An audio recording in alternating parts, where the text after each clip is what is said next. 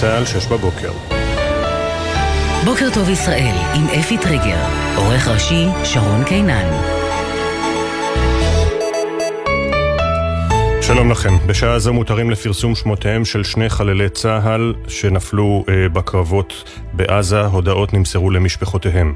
סמל ראשון רועי מרום, בן 21 מרעננה, מפקד כיתה בגדוד 906, ביסלח, שירת כלוחם בסיירת חרוב, נפל בקרב בצפון הרצועה.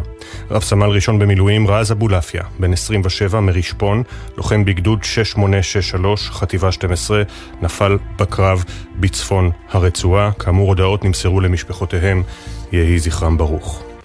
אחרי 38 יום, זו אותה אמש גופתה של ויvian סילבר מקיבוץ בארי, שנרצחה בביתה ב-7 באוקטובר. סילבר, בת 74 במותה, הוגדרה נעדרת מאז השבת השחורה, ובני משפחתה סברו שנחטפה לעזה, עד שהתבשרו אמש על מותה. היא הייתה ממקימות ארגון נשים עושות שלום, ולשעבר חברת הנהלה בארגון בצלם. על מועד הלווייתה תפורסם הודעה בהמשך היום. בצה"ל מבררים את הפרטים על הסרטון שפרסם אמש חמאס, ובו מתועדת התצפיתנית החטופה נועה מרציאנו. נציג צה"ל הגיע אמש לבית משפחתה. מדובר צה"ל נמסר, ליבנו עם המשפחה, חמאס ממשיך להפעיל טרור פסיכולוגי ונוהג באופן לא אנושי. הלילה הותר לפרסום שבישראל מעריכים כי אישה שנחטפה לעזה כשהיא בהיריון, ילדה בשבי חמאס. דובר צה"ל, תת-אלוף דניאל הגרי, חשף אמש, חטופים ישראלים הוחזקו בבית החולים רנטיסי ברצועה. This basement also led to a place where we presume that uh, hostages were being held. We saw a pod of the health organization who gives money to this hospital and a baby bottle above it. This is in the basement. No babies should be in the basement. המרתף הזה, אומר דובר צה"ל, מוביל למקום שאנחנו מחזיקים שהוחזקו בו חטופים. ראינו כרזה של ארגון הבריאות העולמי שהעניק כסף לבית החולים הזה, ובק... ובקבוק תינוק לצידה, זה במרתף. אף תינוק לא צריך להיות במרתף. כך אה, דניאל הגרי, שהציג לעולם תיעוד מסיורו בבית החולים, שבו נמצאו גם אה, חומרים רבים של חמאס ואמצעי לחימה. בחמאס כמובן טוענים שמדובר בטענות שווא. הבית הלבן פרסם הלילה הבהרה על דברי נשיא ארצות הברית ג'ו ביידן, שלפיהם הוא מקווה שישראל תצמצם את הפעילות בבתי החולים בעזה. בוושינגטון אמרו כי הנשיא התכוון לעול המוטל על ישראל ומקשה על צה"ל לפעול בכניסתו לעזה, כך הבהיר דובר המועצה לביטחון לאומי ג'ון קרבי. תיעוד ראשון של החוקרת הישראלית אליזבת צורקוב, שנחטפה לפני כשבעה חודשים בידי ארגון פרו-איראני בעיראק. התיעוד פורסם אמש בערוץ חדשות בעיראק. שמי אליזבת סורקוב, אה, אני אזרחית אה, ישראלית, אה, גילי עוד מעט יהיה 37. צורקוב, מומחית לחקר המלחמה בסוריה, נחטפה כששהתה בעיראק, עד כמה שידוע לצורכי מחקר ופעילות זכויות אדם. בסרטון היא מעבירה מסרים שככל הנראה הוכתבו לה, טוענת שעבדה לכאורה כסוכנת מוסד ו-CIA ומבקרת בחריפות את פעילות צה"ל ברצועת עזה. כאמור, ההערכה היא שהדברים הללו נאמרו על ידה בכפייה. ממשלת ישראל ניהלה בחודשים האחרונים מסע ומתן חשאי לשחרורה, עד כה ללא תוצאות. כמה שיגורים הלילה משטח לבנון לעבר מוצב צה"ל, סמוך uh, לגבול במרחב מלכיה. צה"ל ירט אחד מהם, היתר נפלו בשטח פתוח ללא נפגעים בגוף. בשעות הערב תקף חיל האוויר תשתיות טרור של חיזבאללה בשטח לבנון, בהן מפקדות צבאיות uh, שמהן פעלו מחבלי הארגון. בתוך כך, חיסל צה"ל אמש מחבל שניסה לדקור לוחם מילואים בצומת בית ענון, uh, סמוך לחברון. הלוחם זיהה מעמדת השמירה את המחבל שהתקרב אליו עם סכין, פתח לבו באש וחיסל אותו. אין נפגעים בקרב החיילים. בחמאס טענו אתמול כי הארגון ישחרר עשרות חטופים ישראלים בתמורה להפסקת אש בת חמישה ימים, שחרור 75 אסירות ביטחוניות וכ-200 אסירים פלסטינים קטינים. הנה דובר הזרוע הצבאית של חמאס אבו עוביידה. بإمكاننا في هدنة مدتها خمسة أيام تتضمن أن نفرج عن خمسين من النساء والأطفال المحتجزين في غزة وقد يصل العدد في نهاية المطاف إلى سبعين הפסקת אש בת חמישה ימים תבטיח שנשחרר 50 נשים וילדים המוחזקים בעזה בעזה, ובסופו של דבר גם יגיע מספר המשוחררים ל-70, כך דובר הזרוע הצבאית של חמאס.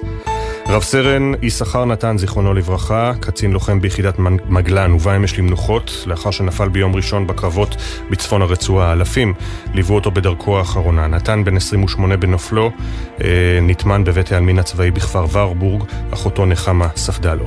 חירפת את נפשך להציל משפחות שלמות בכפר עזה בשמחת תורה, אחרי שלילה לפני רקדת ושמחת בהקפות בבית כנסת עד השעות הקטנות. משפחות החטופים והנעדרים תצאנה היום לצעדה בת חמישה ימים מתל אביב לירושלים. נציגי המשפחות יקיימו אירועים שונים לאורך מסלול הצעדה ויישארו ללון מול משרד ראש הממשלה בירושלים עד לפתיחת אה, הכנסת ביום שני הבא. מזג האוויר, הטמפרטורות תרדנה במידה ניכרת, גשם צפוי לפרקים, בנחלי הדרום והמזרח קיים סיכוי לשיטפונות ולאורך מישור החוף ייתכנו, יש סיכוי להצפות. בחסות ביטוח ישיר, המציע דחייה בחודשיים של תשלומי ביטוח הרכב למחדשי הביטוח ולמצטרפים חדשים. ביטוח ישיר, איי-די-איי חברה לביטוח, כפוף לתקנון. בחסות אוטודיפו, המציע מצברים לרכב עד השעה תשע בערב בסניפי הרשת, כולל התקנה חינם. כי אין סיבה לשרוף את שישי במוסך. אוטודיפו. בוקר טוב ישראל עם אפי טריגר. גלי צה"ל, יום uh, שלישי, אנחנו uh, אומרים uh, היום שהתאריך הוא 14 בנובמבר 2023, א' בכסלו תשפ"ד, ואנחנו לצערנו גם הבוקר עם הבשורה המרה על נפילתם של שני חללי צה"ל, סמל ראשון רועי מרום ורב סמל ראשון במילואים רז אבולעפיה. אה, הם נפלו בקרבות בצפון רצועת אה, עזה. בנוסף, מתירים הבוקר לפרסום אה, ששני לוחמי צה"ל מגדוד 299 נפצעו קשה מפגיעת טיל נ"ט. הם פונו לבית חולים, כל המשפחות עודכנו. דורון קדוש כתבנו לענייני צבא וביטחון, שלום. שלום אפי, כן, אלה הבשורות שמותרות הבוקר לפרסום, שמותיהם של שני חללי צה"ל שמתאספים למניין החללים. סמל ראשון רועי מרום, בן 21 מרעננה, מפקד כיתה בגדוד 906 של ביסלח, בית הספר למקצועות החי"ר, הוא שירת כלוחם בסיירת חרוב ונפל בקרב בצפון הרצועה. ורב סמל ראשון במילואים רז אבולעפיה, בן 27 מרשפון, לוחם בחטיבת המילואים 12, חטיבת הנגב, גם הוא נפל בקרב בצפון הרצועה. בנוסף אפי לוחם אה, במילואים מיחידת הסיוע המינהלתי 5828 ואיש קבע מגדוד ההנדסה 605, נפצעו שניהם באורח קשה במהלך הקרבות בצפון הרצועה. ועוד אה, מותר לפרסום הבוקר הזה, כי שני לוחמי צה"ל מחטיבה 300, כלומר החטיבה שנמצאת בגבול הצפון, בגבול המערבי, נפצעו באורח קשה אתמול כתוצאה מפגיעת טיל נ"ט סמוך לאזור נטוע. שני הלוחמים האלה היו בש"ג בשער של היישוב נטוע. חיזבאללה ירה את טיל הנ"ט בכינון ישיר לכיוונם, וכאמור הם נפצעו באורח קשה. כלל הלוחמים הפצועים פונו לטיפול רפואי בבתי חולים, המשפחות עודכנו. ועכשיו אנחנו נעבור כמובן אל אה, המתיחות אה, בצפון, כשבמקביל חמאס אה, פרסם סרטון של התצפיתנית החטופה נועה מרציאנו, דובר צה"ל, עדכן אמש שנציג הצבא הגיע לבית המשפחה. נכון, נציג הצבא הגיע אל בית אה, משפחת מרציאנו, נגיד אפי, אה, החיילת החטופה נועה מרציאנו, היא אחת התצפיתניות שנחטפו מהחמ"ל בנחל עוז באותה שבת שחורה ב-7 באוקטובר. הנציג של הצבא שהגיע אל בית המשפחה עדכן את המשפחה בפרטים על אותו סרטון שחמאס פרסם, סרטון לוחמה פסיכולוגית כמובן, בני המשפחה גם צפו בסרטון, ונגיד שבצה"ל מבררים את הפרטים על מה שמופיע בסרטון שחמאס פרסם אתמול בשעות הערב. מדובר צה"ל נמסר, ליבנו עם משפחת מרציאנו שבתם נועה נחטפה באכזריות, חמאס ממשיך להפעיל טרור פסיכולוגי ונוהג באופן לא אנושי דרך סרטונים ותמונות חטופים, כפי שעשה גם בעבר, כך נמסר מדובר צה"ל בתגובה על אותו פרסום של חמאס. והאירוע המרכזי אמש מבחינת דובר צה"ל, אה, עוד לפני כמובן החשיפות האחרונות, אה, זה אה, הסרטון מבית החולים רנטיסי. דובר צה"ל בעצמו, תת-אלוף דניאל הגרי, הצטרף לכוחות כדי לתעד ולהסביר בדיוק מה הם מצאו שם מעל הקרקע ובמרתף של בית החולים. נכון, וזה אחרי שבית החולים רנטיסי, שזה בית חולים לילדים שנמצא בתוך העיר עזה, פונה לחלוטין. אחרי שהוא פונה לחלוטין, לוחמים של שייטת 13 פשטו על בית החולים, נכנסו גם לתוך המרתף של בית החולים, ששם נמצאת כמובן מפקדה של חמאס, והם גילו שם אפי שהיו חטופים ישראלים שהוחזקו עד לפני פרק זמן מסוים שאינו ידוע בשלב הזה, הוחזקו חטופים בתוך המרתף של בית החולים.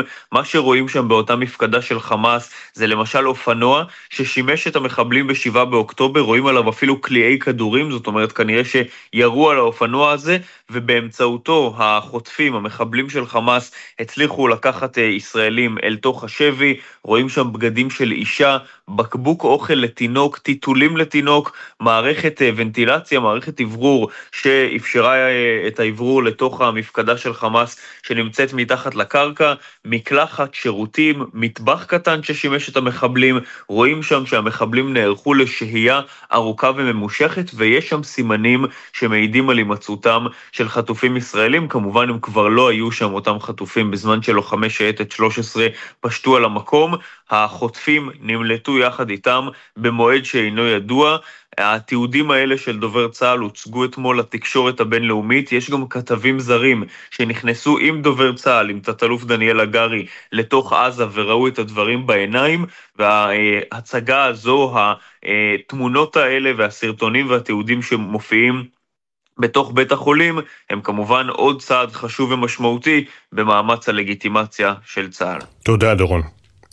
ועוד uh, עדכונים uh, מהלילה, uh, לראשונה אחרי חודשים ארוכים, שבעה, שמונה חודשים, הגיע תיעוד ראשון מהשבי בעיראק של אליזבת צורקוב, החוקרת שנחטפה בעיראק על ידי uh, מיליציה כנראה פרו-איראנית. Uh, בסרטון שפורסם היא מספרת שהיא בת uh, 37, אזרחית ישראלית, ולאחר מכן uh, פוצחת במונולוג שכנראה uh, הוכתב לה בכפייה כמובן, שבו היא טוענת שהיא סוכנת המוסד ו-CIA, והגיעה כדי uh, לעורר מתחים בין uh, שיעים לסונים בעיראק, כל זה כמובן כאשר היא בשבי אה, ובכפייה נאלצת לומר את הדברים אה, הללו. אה, ובשעות הלילה שמענו גם על זיהוי גופתה של ויvian סילבר מקיבוץ בארי, שנרצחה בביתה בשבעה באוקטובר, היא בת 74. הוגדרה עד אתמול נהדרת, ולכן בני משפחתה סברו שאולי היא נחטפה לעזה. אתמול זוהו, זו עתה גופתה, יהי זכרה ברוך. שש ושתים עשרה דקות, אנחנו עם אה, כותרות העיתונים עוד לפני פרסום הידיעה על נפילתם של שני חללי צה"ל, סמל ראשון רועי מרום, בן 21 מרעננה, ורב סמל ראשון במילואים רז אבולעפיה, בן 27 מרשפון. הודעות נמסרו למשפחותיהם. בעיתונים כמובן התמונות המדהימות שפרסם אתמול אה, דובר צה"ל, תת-אלוף דניאל הגרי, אה, שהיה בעצמו בבית החולים רנטיסי, בידיעות אחרונות בחרו בשער את התמונה שלו מעל פיר הכניסה למנהרה, ומתחתיה התמונה של לוחמי גולני בפרלמנט של חמאס. במעריב בחרו כבר בתמונה שלו מצביע על מערום הנשקים אה, במרתף של בית החולים אה, רנטיסי, ובישראל היום אה, תמונה של כורסה עם מה שנראה כמו בגדים, מעין כורסה כזו מאולתרת, לא, לא מאולתרת אבל חבוטה מאוד מהמרתף. וכמובן רבים מאיתנו חושבים מאז אתמול בערב, כולל במהלך הלילה על אותו בקבוק תינוק מיותם אה, שם, בקבוק לתינוק. אה, זה שולט הבוקר בעיתונים. בואו נעבור על כמה אה, ולפני כן רק נזכיר שבהארץ הכותרת הראשית, צה"ל מתקדם למרכז העיר עזה, אבל יידרש לעוד זמן לחימה כדי להגיע להישג צבאי מכריע מול חמאס. צילום יוצא מהכלל, סליחה שאני אומר ככה, כן, של דובר צה"ל בשער, אה, של הכוחות, גם רכבים משוריינים של צה"ל, גם טנקים, גם אה, מבנה שמשמש כנראה או מרכז פיקוד מאולתר או משהו אחר, ומסוק מתקרב לנחיתה, צילום מלחמתי, כצילום הוא פשוט יוצא מהכלל, זה בהארץ. אז נעבור על מאמרי הפרשנות בעיתונים. אה, עמוס הראל כותב, הסיקור החלקי מהצד הישראלי וערפל הקרב שכופה ניתוק הרצועה מתקשורת בצד הפלסטיני מקשים על קבלת תמונה מלאה של הקרבות בצפון הרצועה. בפועל, העוצמה שמפעיל צה"ל באמצעות שלוש אוגדות וההרס העצום שהוא מחולל שם, מביאים לתוצאות. צבי בראל כותב, אוחז במושכות, נסראללה מצהיר כי עדיין לא השתמש במלוא קלפיו, לאמור מבחינתו זו עדיין סדרת התכתשויות שמתוחמות במשוואת ההרתעה שטבע בנאומיו האחרונים. במעריב, טל לב כותב, הדרך uh, עוד ארוכה, הלחימה אתמול בשכונות העיר עזה והעיירות מסביבה, כולל כאלה שבהן צה"ל נמצא עם כוחות גדולים ושולט בשטח, ממחישה היטב את מורכבות האתגרים שיש לכוחות בשטח, ומדוע צה"ל זקוק לזמן רב כדי לעמוד במטרות המלחמה. בישראל היום האלוף במילואים גרשון הכהן כותב חובה להכין מהלך התקפי בצפון, הוא גם אמר דברים דומים לנו אתמול במשדר שלנו. אריאל כהנא כותב על זינוק בעלייה לארץ עקב האנטישמיות. אה, רוני פלמר כותבת רק חיבור אזרחי ירתיע את האויב. מיכל אהרוני כותבת תנו לתלמידים לשתף ולתת כתף. וקובי אריאלי קורא להשתמש נכון בכוחה של החברה. ובידיעות אחרונות נחום ברנע עם הכותרת עדיין שולט. המשא ומתן על שחרור החטופים מתקדם לאיתו, שלושה צעדים הצידה, שני צעדים קדימה, שניים אחורה, כמו בריקוד צ'ה צ'ה צ'ה. סינואר עדיין נוהג כמי ששולט בנכסים שלו ומבקש לשחרר אותם טיפין טיפין. רענן שקד כותב, עכשיו, עכשיו, כל דקה היא זמן נוסף שאזל. אה, עכשיו צריך לשחרר את החטופים, כך קוראים בני המשפחות המוטרפים מדאגה ומכאב. בן דרור ימיני כותב על גבולות הביטוי, חופש הביטוי הוא היהלום שבכתר הזכויות הדמוקרטיות. אתה מחרחר ריב ומדון בין קבוצות, זה בסדר. הזדהות עם מחבלים רוצחים, מי שיערער על כך יהפוך מיד לפשיסט מסוכן. השתגענו. לא כל שקר, הסתה ושיסוי ראויים להגנה, כך בן דרור ימיני בידיעות uh, אחרונות. בג'רוזלם פוסט, הכותרת הראשית IDF reveals Hamas hostage and explosive store in basement of Rantisi Hospital. צה"ל חושף אה, את אה, מקום ההחזקה של כמה מהחטופים וגם מצבור תחמושת ונשק במרתף בית החולים רנטיסי בעזה. אה, והתמונה בשער היא מהלווייתו של סרגי שמרקין, בן 32, זיכרונו לברכה, אתמול בקריית שמונה, צילום של אבלין הוקסטין מרויטרס. בחברה החרדית, הכותרת הראשית הצפון תחת אש, לאחר הפוגה ארוכה התחדשו המטחים מדרום, ורבנו מרן הגאון לנדו שליטה בקריאה מיוחדת לרגל המצב כעת, אשר זקוקים ממנו לזכויות בעד העם היושב בציון, שינצל מאויבים הקמים עליו מכל צד. אין סגולה כלימוד תורה. אין סגולה כלימוד תורה, הדברים המלאים שלו בעמוד 2 ביתד נאמן. נזכיר עוד אירועים חשובים היום שנתייחס אליהם בהרחבה בהמשך המשדר. אה, הצעדה שמתכננות משפחות החטופים מתל אביב לירושלים לקריית הממשלה, ומאוחר יותר אצלנו, ככה בשעות הלילה, צעדת הזדהות ענקית בוושינגטון, בירת ארצות הברית, וושינגטון די.סי, למען ישראל, שמאורגנת על ידי שלל ארגונים אה, יהודיים וישראלים. מצפים שם לפחות ל-100 אלף איש שיצעדו, ואנחנו גם נדבר עם אחת מהן במחצית השעה הבאה.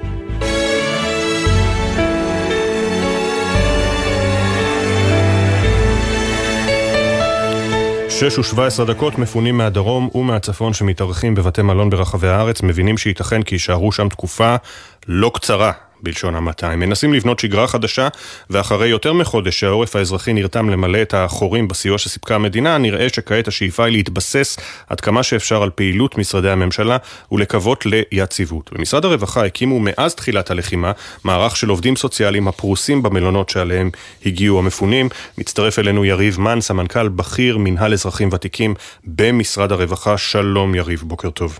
ש... שלום אפי ובוקר טוב. אז קודם כל ספר לנו באמת על אה, מערך העובדים הסוציאליים שלכם. תראה, המדינה בעצם, אה, ויחד איתה, ויחד איתה אנחנו כולנו נכנסנו לאירוע שהוא מאוד מאוד מורכב, והייתה ביקורת בהתחלה, וכנראה שהביקורת אה, מוצדקת. אבל משרד הרווחה, אולי בשונה ממשרדים אחרים, פשוט לא הייתה לו ברירה. בכל בעצם מלון שהגיעו אליו מפונים, אם זה מהדרום ואם זה מהצפון, נכנסו עובדים סוציאליים בין אה, אחד לחמישה, שבעצם אה, מהווים איזושהי חוליה שנותנת מענה ישיר בלובי של המלון לצרכים חברתיים ואישיים של אותם, אה, של אותם מפונים. בשיא המהלך הזה בעצם פרסנו כ-500 עובדים, בעיקר עובדות סוציאליות, חלקן יש להם בני זוג שמשרתים במילואים, והדבר הזה פשוט, אה, הפסקנו לעשות כל דבר אחר, בין אם בשירותי מבחן לילדים ולנוער, ופשוט התמקדנו בדבר הזה. השלב השני בעצם שככה אה, עליו עכשיו אנחנו נותנים את הדגש, הוא בעצם פריצה של שירותים חברתיים בתוך המלונות.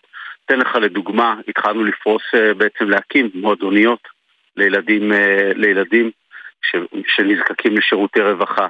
אה, אני עוסק באזרחים ותיקים, אנחנו מתעתדים להקים כ-40 נקודות שירות לאזרחים ותיקים, משהו מעין מרכז יום, מועדון חברתי, הקמנו כבר 20 כאלה יחד עם הרבה עמותות שהן שותפות שלנו, שפועלות לצידנו כמו אה, הג'וינט.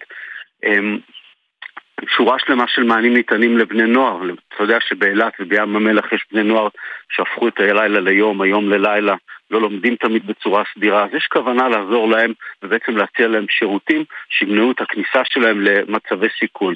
אם ניקח לדוגמה תחום המוגבלויות, גם שם סיוע למשפחות uh, עם מוגבלויות. אבל בעיקר עכשיו נכנסים לאיזושהי שגרה של עבודה בתוך המלונות, שחשוב גם להפוך אותה לשגרה שהיא פעילה, ולא רק לשגרה שהיא פסיבית. וזה עיקר המאמץ של המשרד שלנו כרגע, לאפשר במלונות איזה שהם חיים שמאפשרים לאנשים להתמודד עם הזמן הזה שהוא ברור לכולנו, שהוא זמן שאף אחד לא רוצה אותו, שהוא מין סיר לחץ חברתי, שאיתו צריך לתת איזשהו, אה, לעבוד איתו בצורה שהרבה יותר אה, משמעותית מאשר רק להיות אה, בצורה סבילה או פסיבית. כלומר, בין היתר גם חלק מהאנשים אומרים לכם, אנחנו אה, מבקשים גם לקחת יותר אחריות אלינו לידיים, אפילו שאנחנו מפונים משדרות, אה, מקיבוצים ויישובים, מושבים בעוטף, אנחנו ממש. רוצים להרגיש שאנחנו עושים משהו ואפשר כמובן להבין אותם. ממש ככה, אני הייתי בשבוע שעבר באחד המלונות שפינו להם את תושבי שדרות והייתה שם אמירה מאוד מעניינת, אנחנו לא רוצים שיותר תביאו אלינו פעילות, אנחנו לא רוצים שתשעשעו אותנו, אנחנו לא רוצים שיביאו לילדים. אתה יודע, יש, יש בחברה הישראלית כל כך הרבה רצון טוב לעשות ולתרום ולהביא והדבר הזה לפעמים מייצר בצד השני תחושה של רגע, תן לי לשמור על האחריות שלי, תן לי לשמור על העצמאות שלי, על המשמעות שלי. ואותם תושבי שדרות סיפרו לי שהם דווקא עכשיו מתעקשים להקים סוג של התארגנויות, אם זה בתחום התרבות, ואם זה בתחום אה, לימוד תורה, ואם זה בתחום של חינוך ובריאות, בעצם להחזיר לעצמם את היכולת העצמית, לארגן לעצמם את, ה, את החיים ואת השירותים, ואני חושב שזה מבחינת החוסן, זה הדבר הכי נכון שיכול להיות, כי זה מאפשר להם להיות, אה, להביא את היכולות שלהם ולחזק את עצמם, וזה בעיניי דבר אה, מאוד מאוד ראוי.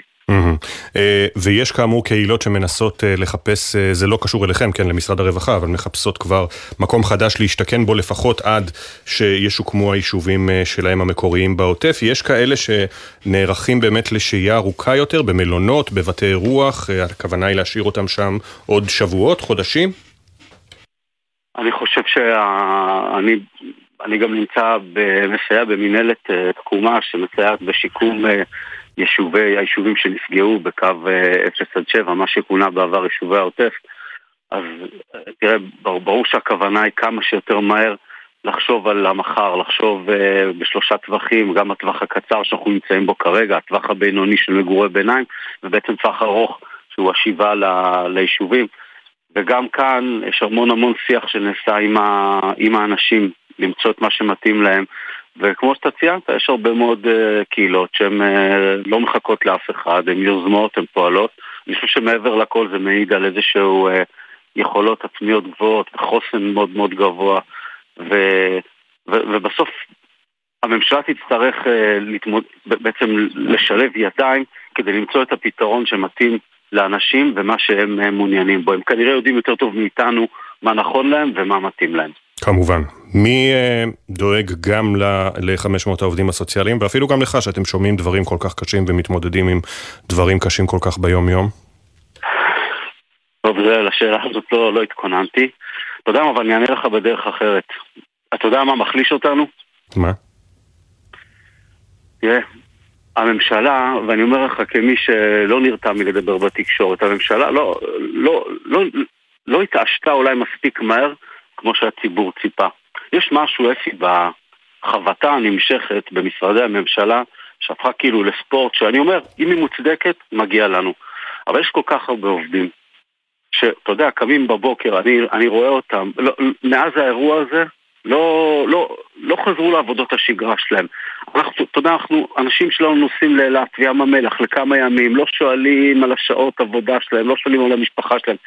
יש משהו גם באיזושהי הכרה בזה שמשרתי ציבור בישראל הם לא אנשים שמרוויחים משכורות עתק, מדובר ב...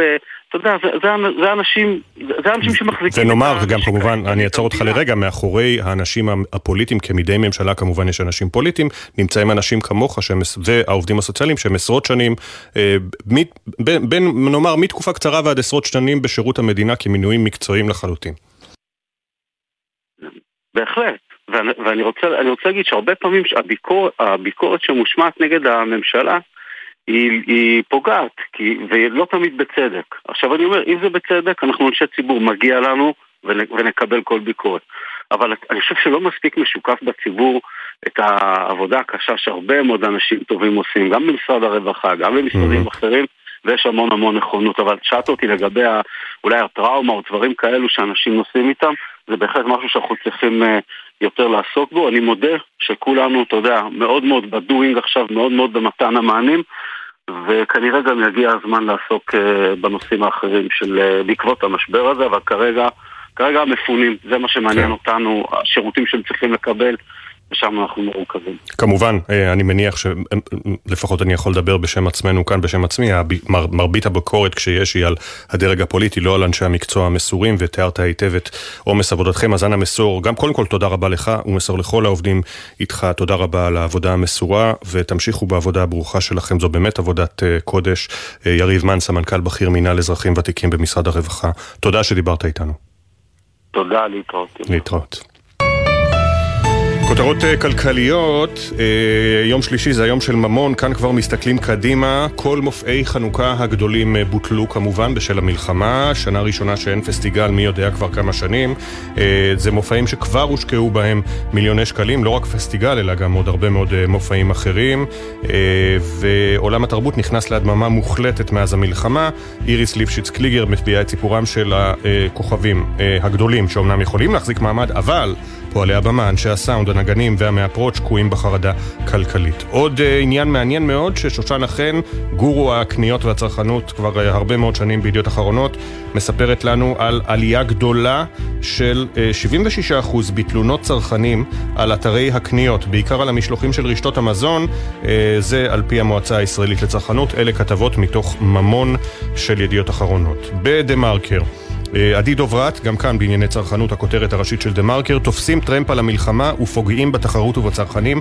הגש... הרשות להגנת הצרכן האריכה את הפטור מסימון מחירי מזון, אף שהמחסור בעובדים נפתר.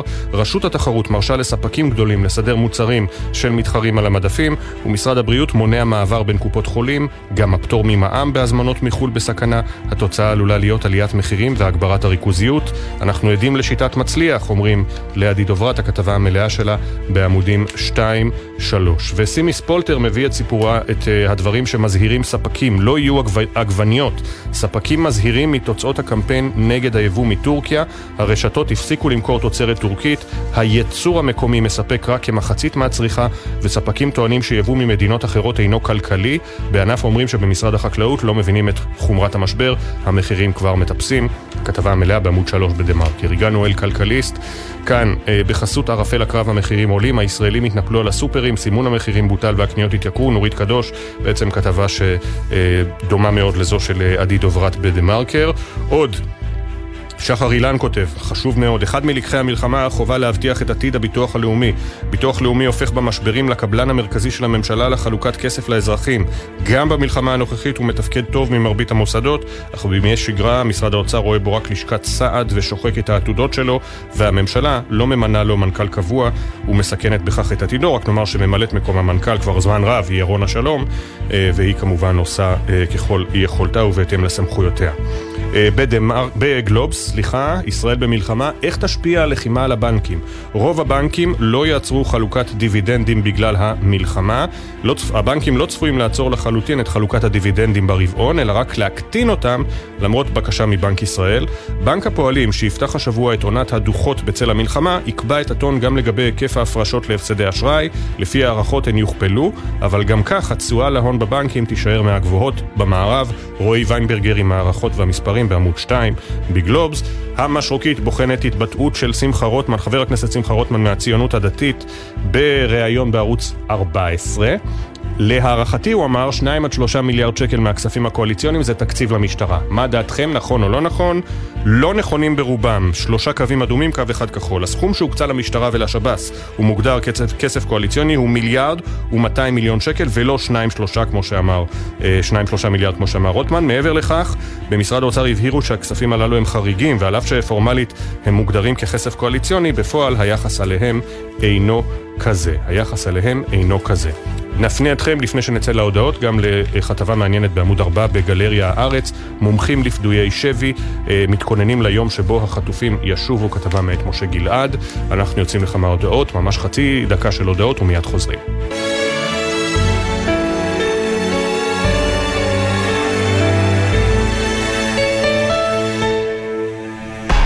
אתם מאזינים לגלי צה"ל. שישי בערב נרות השבת כבר דולקים, מפה לבנה פרוסה על השולחן, הסעודה מוכנה, אבל מאות כיסאות ברחבי הארץ נשארים רכים עד לשובם של החטופים הביתה. גלי צה"ל מקדישה שעה בכל ליל שבת לסיפורים האישיים של החטופים, השירים שהם אוהבים וההקלטות בקולם, כאילו היו פה איתנו. שישי, שמונה בערב, גלי צה"ל. עכשיו בגלי צה"ל, אפי טריגר, עם בוקר טוב ישראל. שש ושלושים בדיוק הכותרות. הותרו לפרסום שמותיהם של שני חללי צה"ל שנפלו בקרבות בעזה, הודעות נמסרו למשפחותיהם. סמל ראשון רועי מרום, בן 21 מרעננה, מפקד כיתה בגדוד 906 ביסלח, שירת כלוחם בסיירת חרוב, נפל בקרב בצפון הרצועה. רב סמל ראשון במילואים רז אבולעפיה, בן 27 מרשפון, לוחם בגדוד 6863, חטיבה 12, נפל בקרב בצפון רצועת עזה. כמו כן, אה, ארבעה פצועים קשה אתמול במהלך הקרבות, לוחם במילואים ואיש קבע נפצעו אה, ברצועת עזה, ובצפון נפצעו קשה שני לוחמי צה"ל מגדוד 299 מפגיעת טיל נ"ט סמוך למרחב נטועה, כלל המשפחות עודכנו. אמש, לאחר יותר מחודש ימים, זו אותה גופתה של ויvian סילבר מקיבוץ בארי, בת 74, שנרצחה בביתה ב-7 באוקטובר ונחשבה מאז נעדרת. בצה"ל מבררים את הפרטים על הסרטון שפרסם אמש חמאס ובו מתועדת התצפיתנית החטופה נועה מרציאנו. נגיד, נציג צה"ל הגיע אמש לבית המשפחה ודובר צה"ל מסר ליבנו עם המשפחה, חמאס ממשיך להפעיל טרור פסיכולוגי ונוהג באופן לא אנושי. הלילה הותר לפרסום שבישראל מעריכים כי אישה שנחטפה לעזה בהיריון ילדה בשבי חמאס. דובר צה"ל, תת-אלוף דניאל הגרי, חשף אמש כי חטופים ישראלים הוחזקו בבית החולים רנטיסי ברצועה. בהצהרתו היומית, הפעם באנגלית, הציג הגרי תיעודים מסיורו בבית החולים, שבמרתפו נמצאו גם אה, מסמכים רבים של חמאס ואמצעי לחימה. בחמאס כמובן טוענים שמדובר בטענת שווא.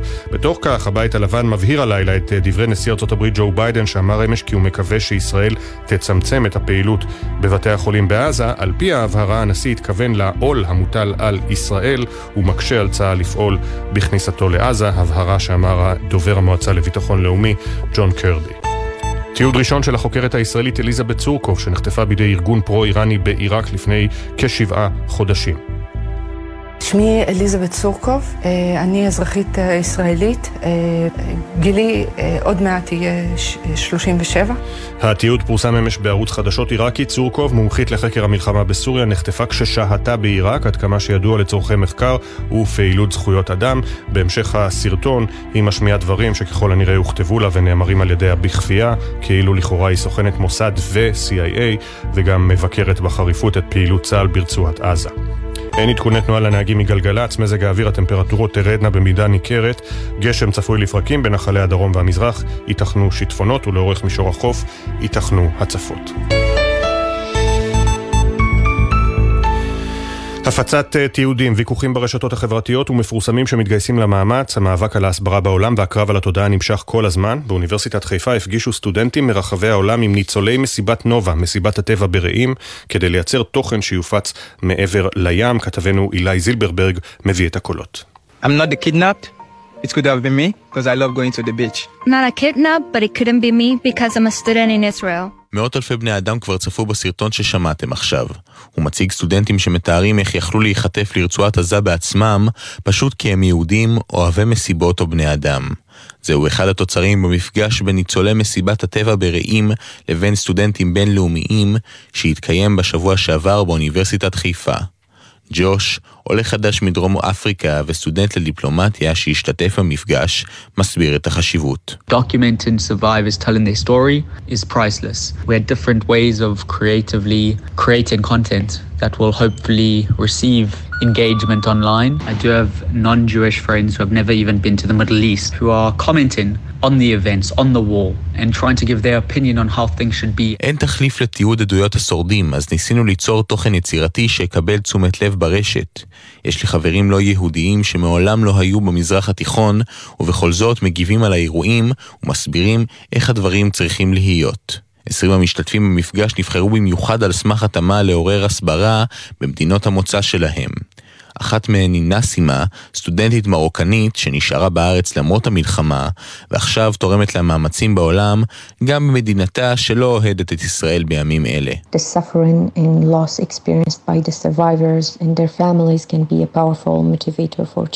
Also, the survivors shed light on the true costs of the war. Not just in terms of numbers or statistics, but in terms of dreams and hopes that have been shattered. הסבל והאובדן שהניצולים ובני משפחותיהם חוו יכולים להיות מניע עוצמתי לשינוי. הם גם שפכו אור על המחיר האמיתי של המלחמה. לא רק במספרים, אלא בחיים, חלומות ותקוות שהתנפצו. ומול הסטודנטים ישבו הניצולים, עדיין מתאוששים מההלם שחוו.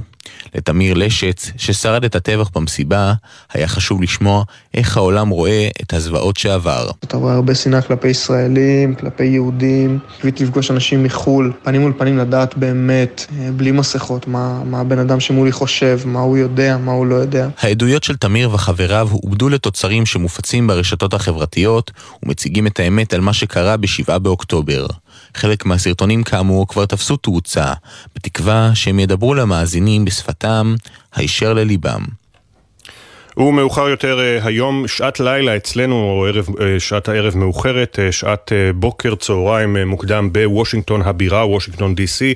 צעדת ענק למען ישראל, העריכו שיבואו כמאה אלף, עכשיו הערכות מדברות על הרבה יותר. אנחנו מדברים עם רונית ענבר, שמתגוררת ליד בוסטון, ותעשה היום את דרכה לוושינגטון להשתתף בצעדה. שלום רונית. בוקר טוב לכם. קודם לילה כל, אצלנו. לילה לכם, אצלכם כמובן. ספרי לנו קצת על עצמך. אמ, אני גרה ב...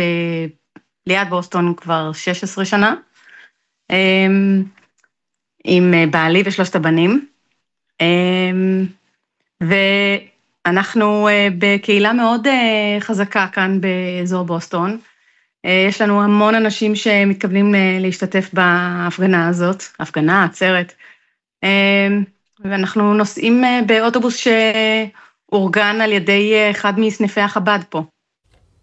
סניף חב"ד מוציא את האוטובוס שבו את תיסעי, אה, וחוץ, כן. וחוץ מזה גם יש לך אה, עניין אישי, בנך אה, לוחם בארץ. נכון, רועי שלנו. הוא לוחם בגבעתי, בפלחוד. אה, וואה, יפה. אז אני מניח שלצד הפעילות למען ישראל את גם דואגת כל הזמן. כל הזמן. כמובן. ברור. מה מביא אותך להשתתף בהפגנה היום? אה, זה המעט שאנחנו יכולים לעשות מפה. יש אה, המון אנטישמיות, יש אה, תחושת אם לא אנחנו, אז מי? אנחנו כולנו נרתמים, כולנו מתנדבים, תולים שלטים של חטופים בכל מקום שאנחנו יכולים, מצלמים אנשים שמורידים שלטים, משתתפים, ההפגנה הזאת אה, זה משהו שאמור להיות אה, מאוד מאוד גדול, להרים אה, את הקול שלנו הכי לכולם, שכולם ישמעו וידעו שזה לא בסדר מה שקורה ושאנחנו לא נעמוד בשקט. וכשאת אומרת אנחנו, זה גם אה, מי שמגדירים את עצמם אולי יותר ישראלים, וגם יהודים דור אה, שני, שלישי, ומי יודע כמה בארצות הברית, שרואים בזעזוע את מה שקורה מאז, אה, נגיד, מאז שמונה באוקטובר בדעת הקהל. בהחלט. אה, זה ישראלים וזה יהודים אמריקאים. אה, יש, אה, אני מרגישה, לפחות באזור שלנו ומכל מי שאנחנו שומעים, המון המון אה, תמיכה בישראל, אנחנו אה, לא לבד, גם אנשים שהם לא יהודים מראים תמיכה. ההשתתפות בהפגנה הזאת זה לא בהכרח רק יהודים, זה כל מי שמרגיש שישראל בצד הנכון כאן, ואנחנו כולנו יודעים שכל מי שבעצם מתנגד לחמאס, צריך לבוא להפגנה הזאת. ו... יהיו, יהיו הרבה אנשים. את יודעת, אנחנו כאן מורטים את שערותינו כשאנחנו רואים, הנה ממש עכשיו הגיע עוד תיעוד מהרווארד אה, של סטודנטים שכו, שצועקים בעד חמאס ובעד האינתיפאדה, ככה באופן גלוי ופומבי, ומשתגעים מה, אה, מהעובדה שאנשים שכחו את אה, מראות הטבח של 7 באוקטובר מהר מאוד, אחרי יום-יומיים. איך זה משפיע עליכם בחיים, בחיי היום-יום? אה, זה בהחלט משפיע אה, מבחינה רגשית. אנחנו מרגישים שזה לא, לא נתפס אפילו, שהם כל כך אה, עיוורים למה שקורה באמת. יש אה, חששות, יש אנשים שמחביאים את הזהות שלהם היהודית. אה, יש לי חברה שהכניסה את המזוזה מבחוץ אה, פנימה לתוך הבית, אה, אבל אה, מצד שני יש, אנחנו באזור עם הרבה יהודים והרבה ישראלים, אז אני לא חושבת שאנחנו דוגמה לכל ארצות הברית, mm-hmm. אבל, אבל, אבל זה נמצא, זה קיים. אנחנו מאוד משתדלים כן לעמוד מול הפגנות כאלה ולהראות את הצד שלנו, לא, לא להיות יותר מדי להיראות שאנחנו פוחדים. כמה אבל... אנשים אה, לדעתך יהיו היום בהפגנה? לכמה אנשים אתם מצפים? אני, המספר האחרון שאני שמעתי היה סדר גודל של 300-350 אלף. וואו. הלוואי ויהיו יותר. זה הרבה מאוד. אה, וגם מעדכנת אותי פה המאזינה שלנו, אילהם מלוס אנג'לס, שסיפרו להם שגם הרבה מאוד ארגונים נוצרים יבואו להפגין אה, הזדהות עם ישראל במצעד הזה, ככה שבאמת המספר יכול להגיע לכמה מאות אה, אלפים. רונית, נסיעה טובה ותשמרו על עצמכם שם בהפגנה, ותודה רבה. תודה רבה. תודה, לילה טוב. תודה, לילה טוב.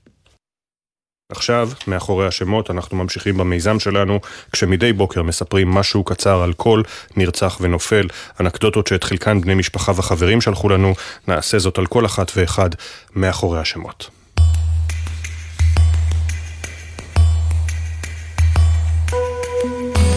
רב סרן דוקטור יאיר זלוף, בן 32 מתל מונד, היה מפקד הפלוגה הקירורגית בחטיבה 401. יאיר התבלט כמנהיג כבר מגיל צעיר, וכרופא דגל בתזונה נכונה. אורית מספרת לנו שיאיר רתם קבוצת סטודנטים לסייע בהתנדבות ל... אה, ללוקים בתסמונת פראדר ווילי, המתאפיינת באכילה פתולוגית בלתי נשלטת. מחקרים רבים שביצע כרופא צבאי פורסמו בכתבי עת מובילים. אורטל בן עיון, בן זוגה דניאל אוחנה, ובן הזוג של אחותה, אביאל אורן, גדלו בשכונת גילו בירושלים ונרצחו במסיבה ברעים. אורטל הייתה המלצרית החביבה על הסועדים במסעדת המוציא, וחרוצה ממדרגה ראשונה. השף אבי לוי נזכר איך בחזרתה מחופשה דאגה להסדיר משמרות לשבוע הבא עוד מנמל התעופה. דניאל אהב את הטבע, אהב לרקוד ולטייל. הוא הפך לבן בית אצל אורטל, ובכל פעם שהתווכח עם אחותה שיראל הצהיר, צריך להשלים, עוד נהיה משפחה, לא נעים. אביאל, שכונה הבולי, ברגעיו האחרונים ביקש מחבריו לברוח כדי שיצילו את עצמם, ותמיד ייזכר בזכות החיוך הענק. יונה פריקר נרצחה בקיבוץ בארי. כשאמרו לי יונה שלום, היא תמיד צחקה. בכל ארוחה הייתה מקנחת בסיגריה עם קפה בחוס טרמית, בפינת העישון, בחדר האוכל. מרק מרדכי פרץ, בן 51, מראשון לציון. נרצח כשנסע לחלץ את בתו מאיה מהמסיבה ברעים, חייה ניצלו. מספרים שהתושייה והרצון לעזור היו חלק בלתי נפרד מחייו של מרק, כך גם במותו. יליזבטה קוסטיצין נרצחה בביתה באופקים וברגעיה האחרונים עוד חיפשה מחסה לשכניה עם ילדיהם הקטנים. יותר מקור יליזבטה אהבה לטפח את הגינה שבביתה. בתה ריטה מספרת לנו שהיא תמיד דאגה לסובבים אותה, אפילו לחתולים שזקוקים לאוכל. אילי ברעם, בן 27, נרצח במסיבה ברעים. אילי הפך למומחה לאמבטיות קרח, וסימן ההיכר שלו היה ברווזוני גומי בשלל צבעים וגדל, וגדלים. סמל ראשון עדי ליאון, בן 20 מנילי, היה לוחם בגדוד צבר בגבעתי. עדי, שלא אהב עוגות, אף פעם לא יכול לעמוד בפני עוגת השוקולד של דודתו. מעתה ייקרא המתכון העוגה של עדי. לפני שיצא להילחם כתב, אני מאמין בלב שלם במה שאני עושה, אין לנו ארץ אחרת, ועכשיו תורי להגן עליה, זה החינוך שקיבלתי מהוריי, מקווה שתזכרו אותי. ג'ני ניסימבוים נרצחה במסיבה ברעים. ג'ני, פיצצת האנרגיה עם השיער הבלונדיני, אהבה לרכוב על לונג בורד, היא לא הספיקה להעניק לחברתה הטובה את השרשרת שהכינה עליה, שהכינה לה, ועליה חריטה של הכינוי המשותף שלהן, צ'ול. חיים זוהר נרצח בביתו בקיבוץ בארי, חיים שעלה מטהרן, היה רודף שלום אמיתי, השתקע בקיבוץ לפני עשורים ועבד בלול, בחקלאות ובמפעל הדפוס. רב סמל במילואים ידידיה אליהו, בן 25 מקרני שומרון, היה לוחם בגדוד 8170 בחיל ההנדסה הקרבית. בכל פעם ששאלו את ידידיה לשלומו, הוא ענה רק בתשובה אחת: חיים את החלום. ולפני כל פעולה, הקפיד לברך את הצוות שלו בתפילת הדרך. ג'ייק מרלו, בן 26, נרצח בזמן עבודתו כמאבטח במסיבה בעוטף.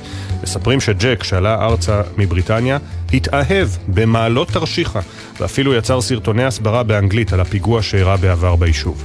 הוא היה אוהד מושבע של ארסנל.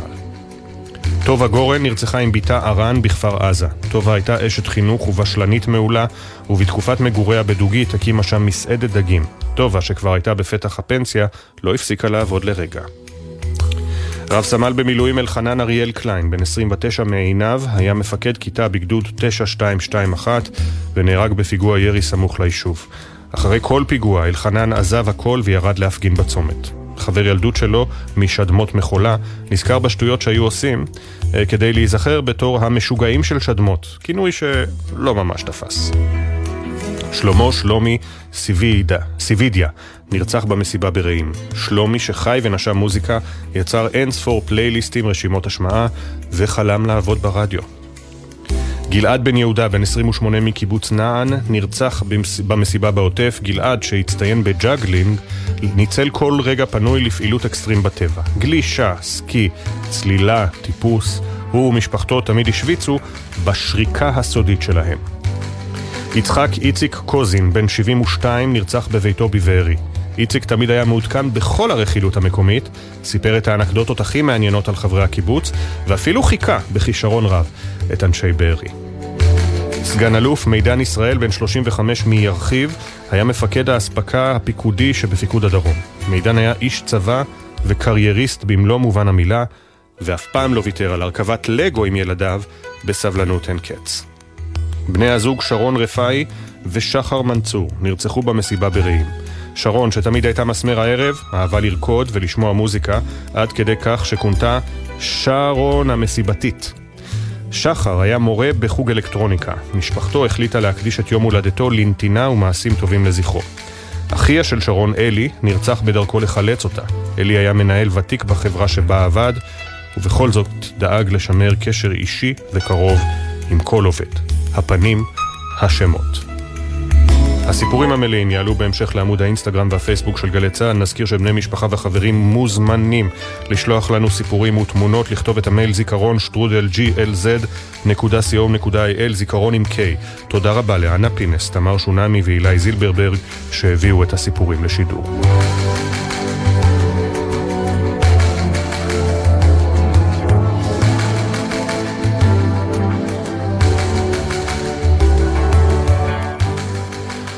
שש ארבעים ושבע, אנחנו עוברים אל אה, פינת הפרשנים. דיברנו קודם עם אה, רונית ענבר, שתהיה היום יחד עם אה, כנראה מאות אלפי יהודים, ישראלים ותומכי ישראל בהפגנה הגדולה בוושינגטון די.סי, על רקע גילויי האנטישמיות ההולכים ומתרבים בארצות הברית, בקמפוסים של אוניברסיטאות היוקרה שם, ובכלל ברחובות. זה לא רק בארצות הברית, זה גם במדינות רבות בעולם, באירופה, בדרום אמריקה.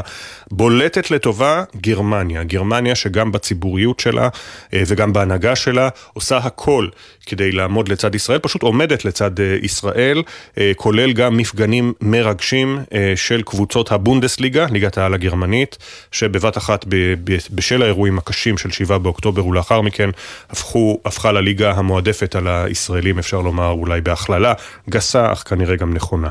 מה הופך את גרמניה והגרמנים למגינים הגדולים שלנו בעולם, בניגוד להרבה מאוד מדינות אחרות, אולי אפילו היחידים לצד ארצות הברית, לצד הממסד הפוליטי בארצות הברית שמתייצב לצידנו בצורה כל כך ברורה. איתנו ג'רמי סחרוף, לשעבר אה, שגריר ישראל בגרמניה ולשעבר המשנה למנכ"ל משרד החוץ, שלום לך. בוקר טוב. והפרופסור רוני שטאובר, חבר סגל אקדמי בכיר בחוג להיסטוריה של עם ישראל באוניברסיטת תל אביב, וחבר הוועדה המדעית של יד ושם. שלום, בוקר טוב. בוקר טוב. ג'רמי סחרוף, אה, אתה לא מופתע מהעמדה הגרמנית הברורה.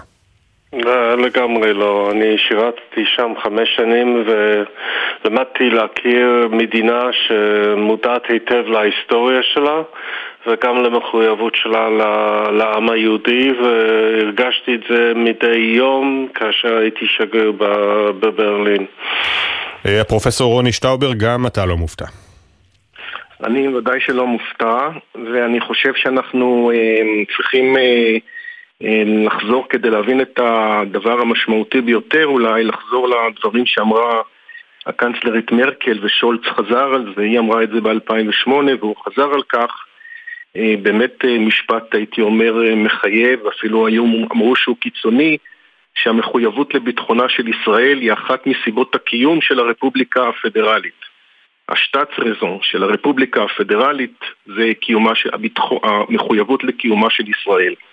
אז כמובן שיש לכך רקע היסטורי, יצירת קשרים מיוחדים בין, בין ישראל לבין גרמניה, שהם באים גם עכשיו לידי ביטוי וגם בשנים האחרונות באמת מחויבות עמוקה לביטחונה של ישראל. אבל זה לא רק, אה, ג'רמי, זה לא רק אה, המנהיגים וההנהגה הפוליטית, זה גם ממש כמו שאנחנו רואים באולטרס, האוהדים שמזוהים עם השמאל בגרמניה, שמתייצבים לחלוטין לצד ישראל, זה, זה מושרש שם בעם. כן, ותראה, יש כמובן מצד שני, יש הפגנות נגד בגלל כל המצב היום בעזה, אבל בסוף הייתי אומר שההנהגה של, ה, של גרמניה עומדת ממש לצידה של ישראל בצורה מובהקת, והייתי אומר גם שאת ה, גם את האמירה שמרקל טבע ב-2008 בפני הכנסת אה, הפכה להיות חלק מהגישה של כל המפלגות המשמעותיות בבונדסטאג. אני משאיר בצד את הניאו-נאצים, את ה-AFD, אה, אבל אה, אני חושב שבהחלט גם בקרב העם מרגישים את ה... לא, זה לא רק עניין של ההיסטוריה, זה גם עניין של שותפות האינטרסים של ישראל וגרמניה ש, שנוצרה בשנים האחרונות ושבא לידי ביטוי גם ב, ב, בתקופות אה, של המלחמה באוקראינה וגם השיתוף פעולה הביטחוני המודיעיני אה, המאוד הדוק שנוצר בין, שנוצר בין גרמניה לבין ישראל. ועכשיו אה, הפרופסור רוני שטאובר, נלך אחורה אל ההיסטוריה. כמובן, אה, מוראות השואה, אה, אירועי מלחמת העולם השנייה, כמעט השמדת עם על ידי אדולף היטלר, כשרבים בגרמניה מריעים לו ורבים בשתיקה מסכימים עם כל מה שקרה שם, ולאחר מכן כמובן התבוסה הקשה שלהם, הקמת מדינת ישראל ב-1948. איפה מתחילים היחסים הדיפלומטיים של ישראל וגרמניה, פרופסור שטאובר? למעשה היחסים דיפלומטיים אה, באופן רשמי אה, בעצם אה, כוננו רק ב-1965.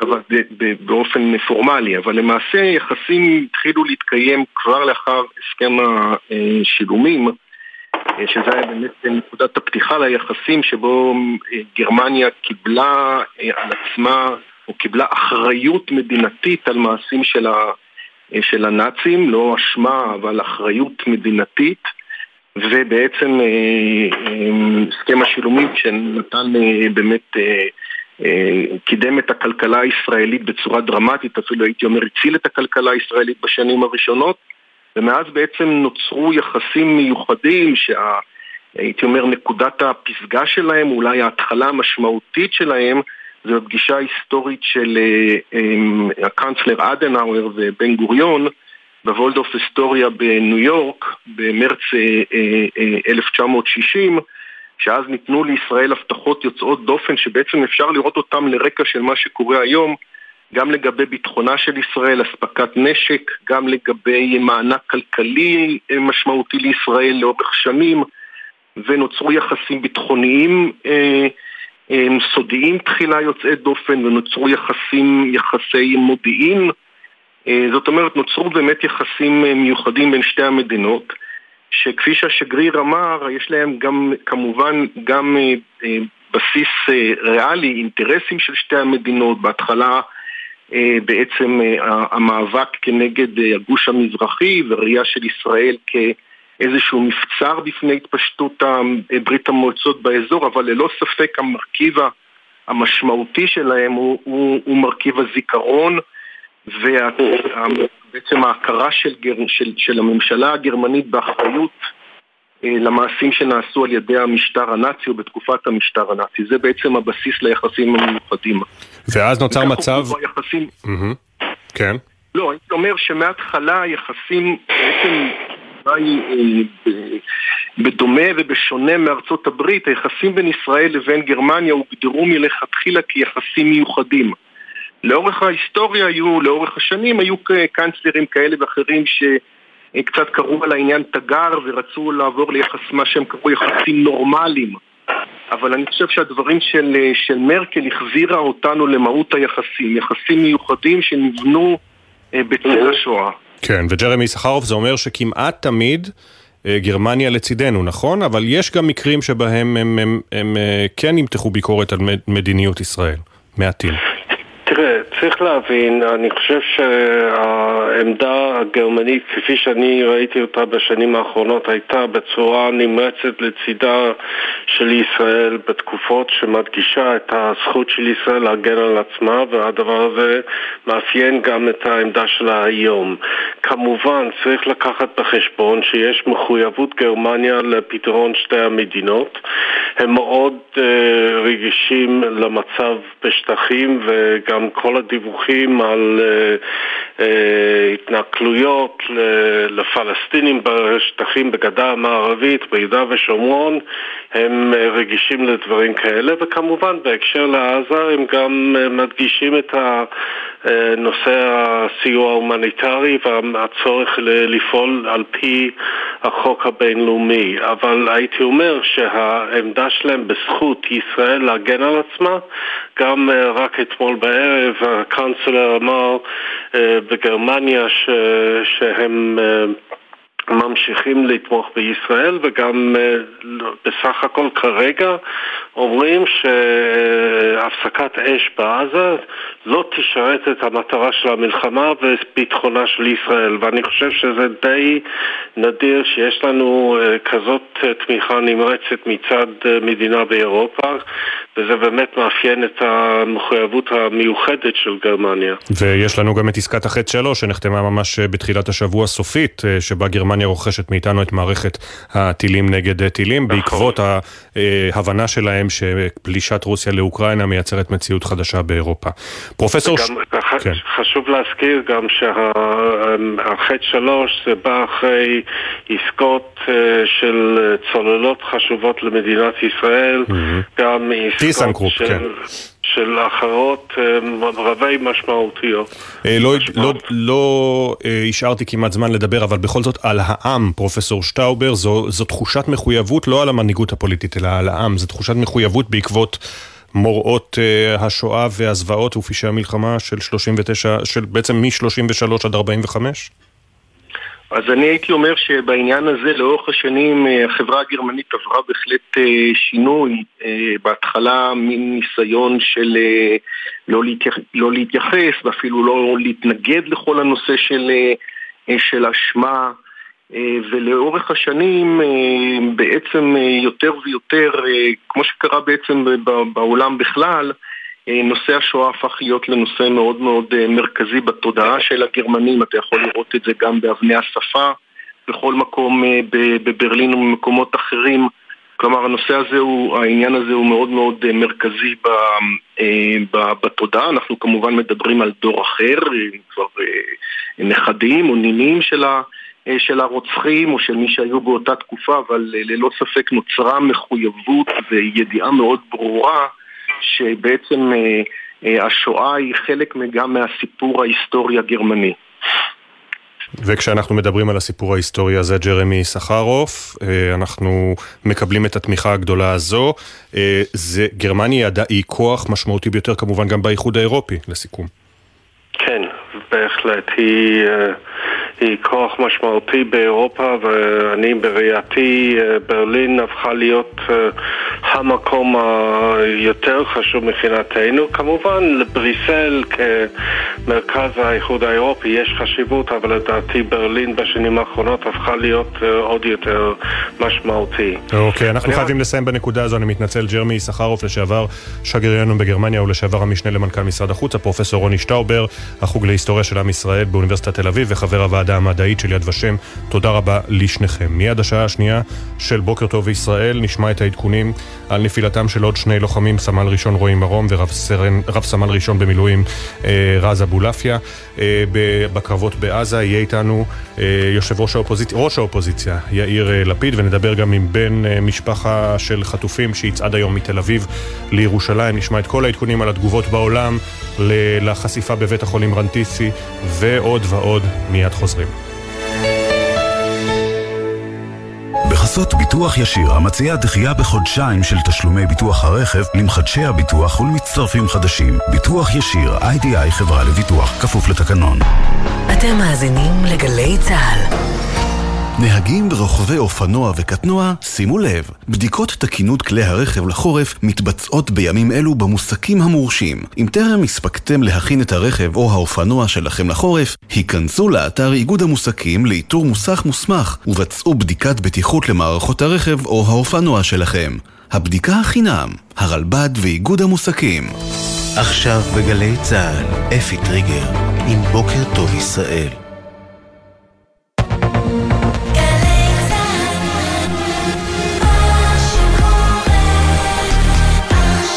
שבע בגלי צה"ל.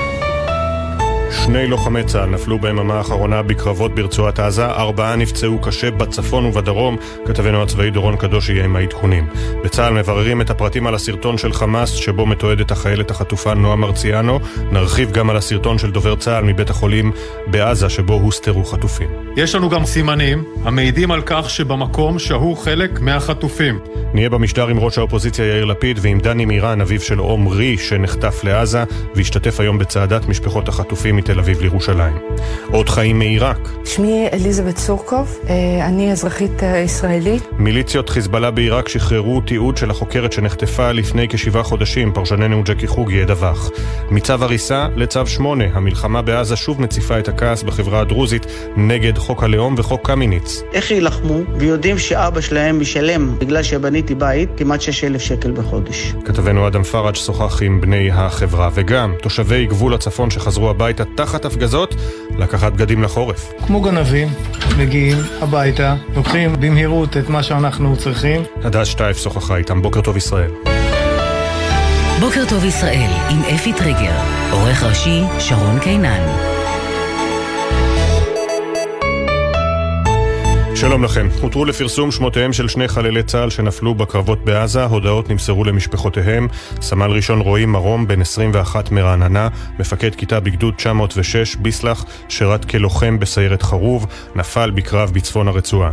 רב סמל ראשון במילואים רז אבולעפיה, בן 27 מרשפון, לוחם בגדוד 6863, חטיבה 12, נפל בקרב בצפון רצועת עזה.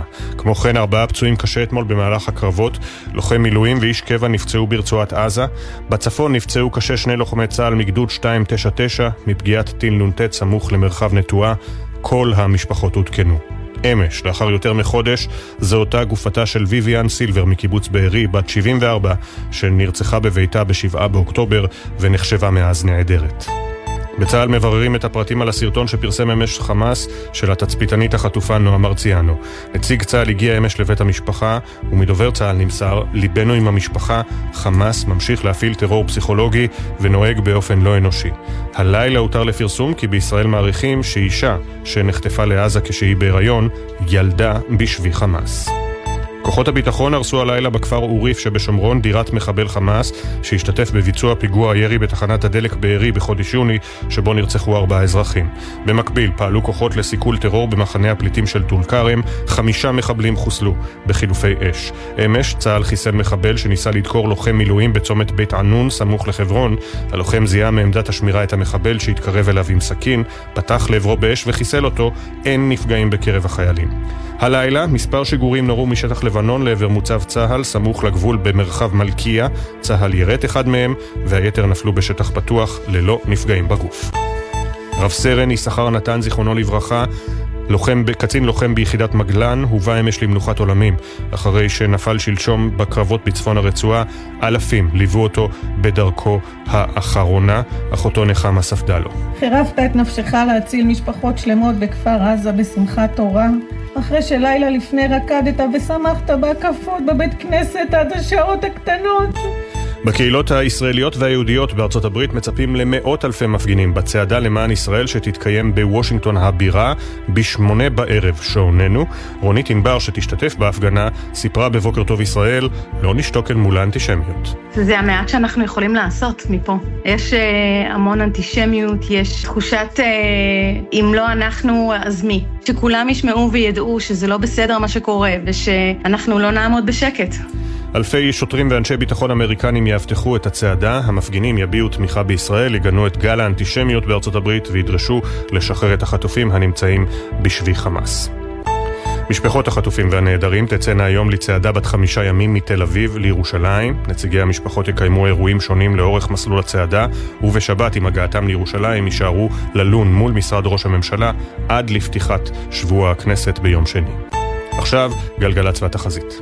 בחסות ביטוח ישיר, המציע דחייה בחודשיים של תשלומי ביטוח הרכב למחדשי הביטוח ולמצטרפים חדשים. ביטוח ישיר, איי-די-איי חברה לביטוח, כפוף לתקנון. עדכון אחד לנהגים, כביש 6 דרום העמוס ממחלף באקה עד אייל. ומזג האוויר, הטמפרטורות תרדנה במידה ניכרת. גשם צפוי לפרקים, בנחלי הדרום והמזרח יש סיכוי לשיטפונות, ולאורך מישור החוף ייתכנו הצפות. בוקר טוב ישראל עם אפי טריגר.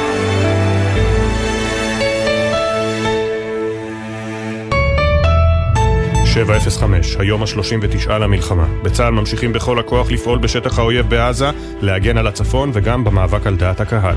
בינתיים בעורף ממתינים לחדשות טובות שלא ממהרות לבוא, ומנסים להמשיך להחזיק את הראש מעל המים ולשמר את הכוחות מול רשימת הדמים המתארכת, שמות הנופלים שמתפרסמים מדי יום, התיעודים המטרידים מהשבי, והאזעקות שממשיכות להדהד ברחבי הארץ. גם אנחנו רוצים לספור לאחור עד שכל זה ייגמר. הנה סיכום היממה האחרונה בקולות. זה לא מבצע, זה לא סבב, פה הולכים עד הניצחון. יש לנו גם חילופי אש בצפון, יש מי שחושב שיכול להרחיב את זה. זה משחק באש. אש תענה באש, הרבה יותר חזקה. שלא ינסו אותנו, כי הראינו רק מקצת מהכוח שלנו. אנחנו עובדים לפי משימות. אין לנו שעונים, יש לנו מטרות.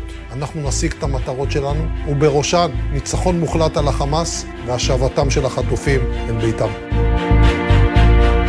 חירפת את נפשך להציל משפחות שלמות בכפר עזה בשמחת תורה, אחרי שלילה לפני רקדת ושמחת בהקפות בבית כנסת עד השעות הקטנות. שמי אליזבת סורקוב, אני אזרחית ישראלית, גילי עוד מעט יהיה 37. A woman, clothes and a rope. A rope next to the legs. And look above this, look above it. It's a baby bottle. It's a baby bottle in a basement.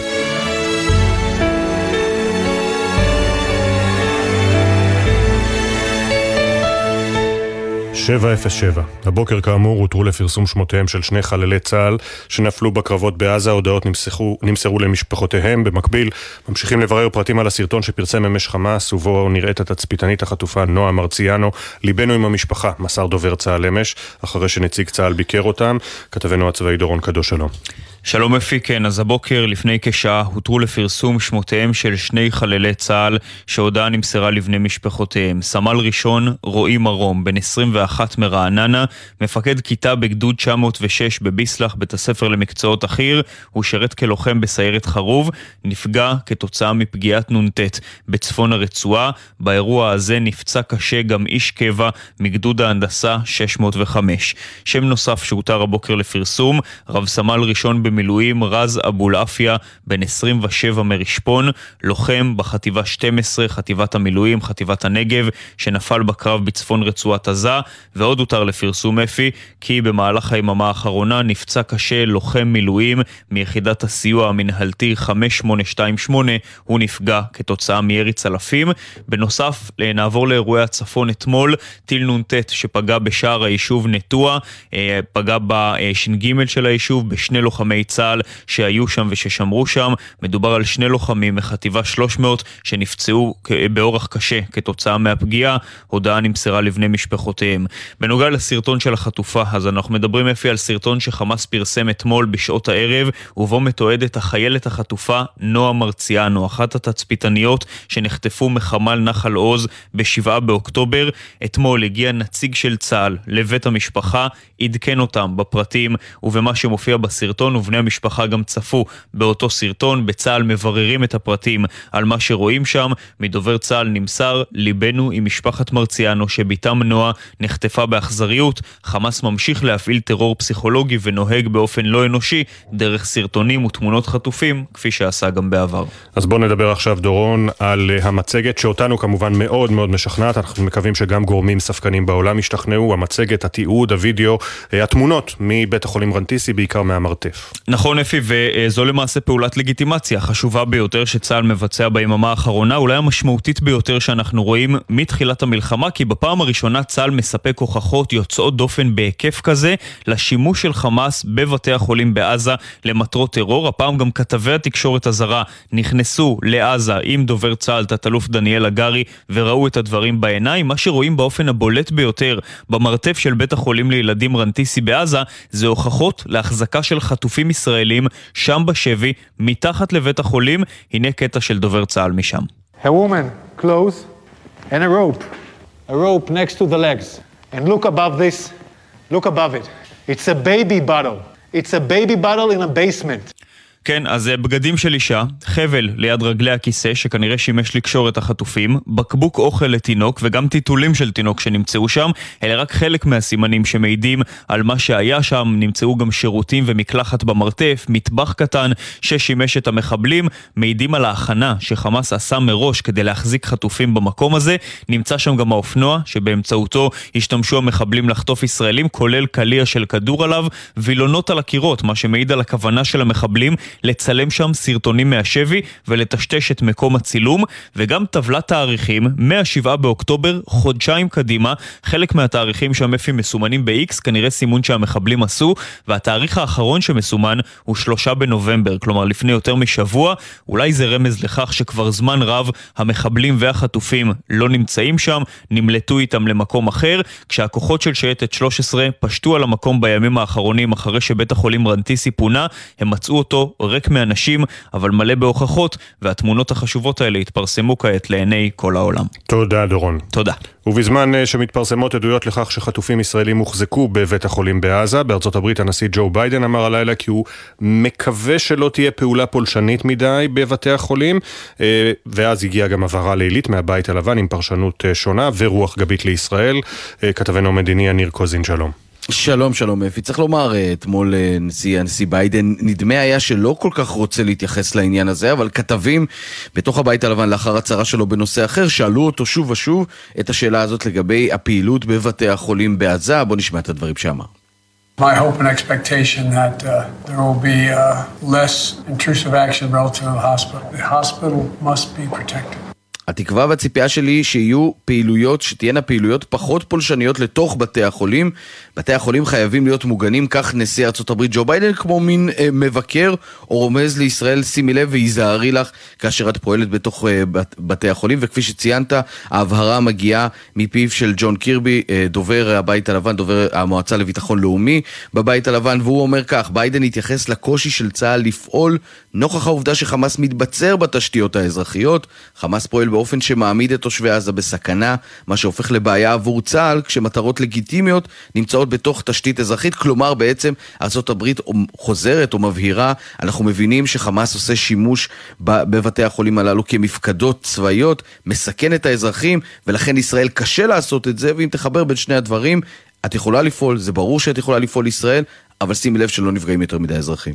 ויניר, נישאר בזירת ההסברה, אתה מפרסם הבוקר שבישראל מתכוונים להפיץ חלק ממה שכבר מכונה סרט הזוועות, חלק ממנו לציבור הרחב, כדי שזה יגיע לכל בית בעולם ולא רק בהקרנות פרטיות וממוקדות. נכון אפי, בעצם כחלק מהמאמצים של ישראל לעצור את הלחץ המדיני המופעל עליה ושאמור גם להיות חזק יותר ויותר ממדינות העולם ככל שהשבועות יעברו, בדרג המדיני נערכים לפרסם חלק קטן מתוך סרט, סרט הזוועות, מה שזכה לכינוי סרט הזוועות של דובר צה"ל, המציג במשך 47 דקות את הזוועות שביצעו מחבלי חמאס ב-7 באוקטובר, זה סרט שמורכב ממצלמות הגוף של אותם מחבלים שהפיצו את הסרטונים הללו, זה סרט קשה מאוד לצפייה, עד כה הסרט הזה הוקרן באופן מבוקר לחברי פרלמנט ולמובילי דעת קהל. כעת בישראל מתכננים להפיץ קטע של 2-3 דקות, אפי, מתוך הסרט הזה שהועבר לרשתות, לרשתות הטלוויזיה הזרות, ויוקרן ברחבי העולם בטלוויזיה, קטע מתוך הסרט הקשה הזה. אין עדיין תמימות דעים בדרג המדיני איך ומתי יופץ הסרט. צריך לומר שהזכויות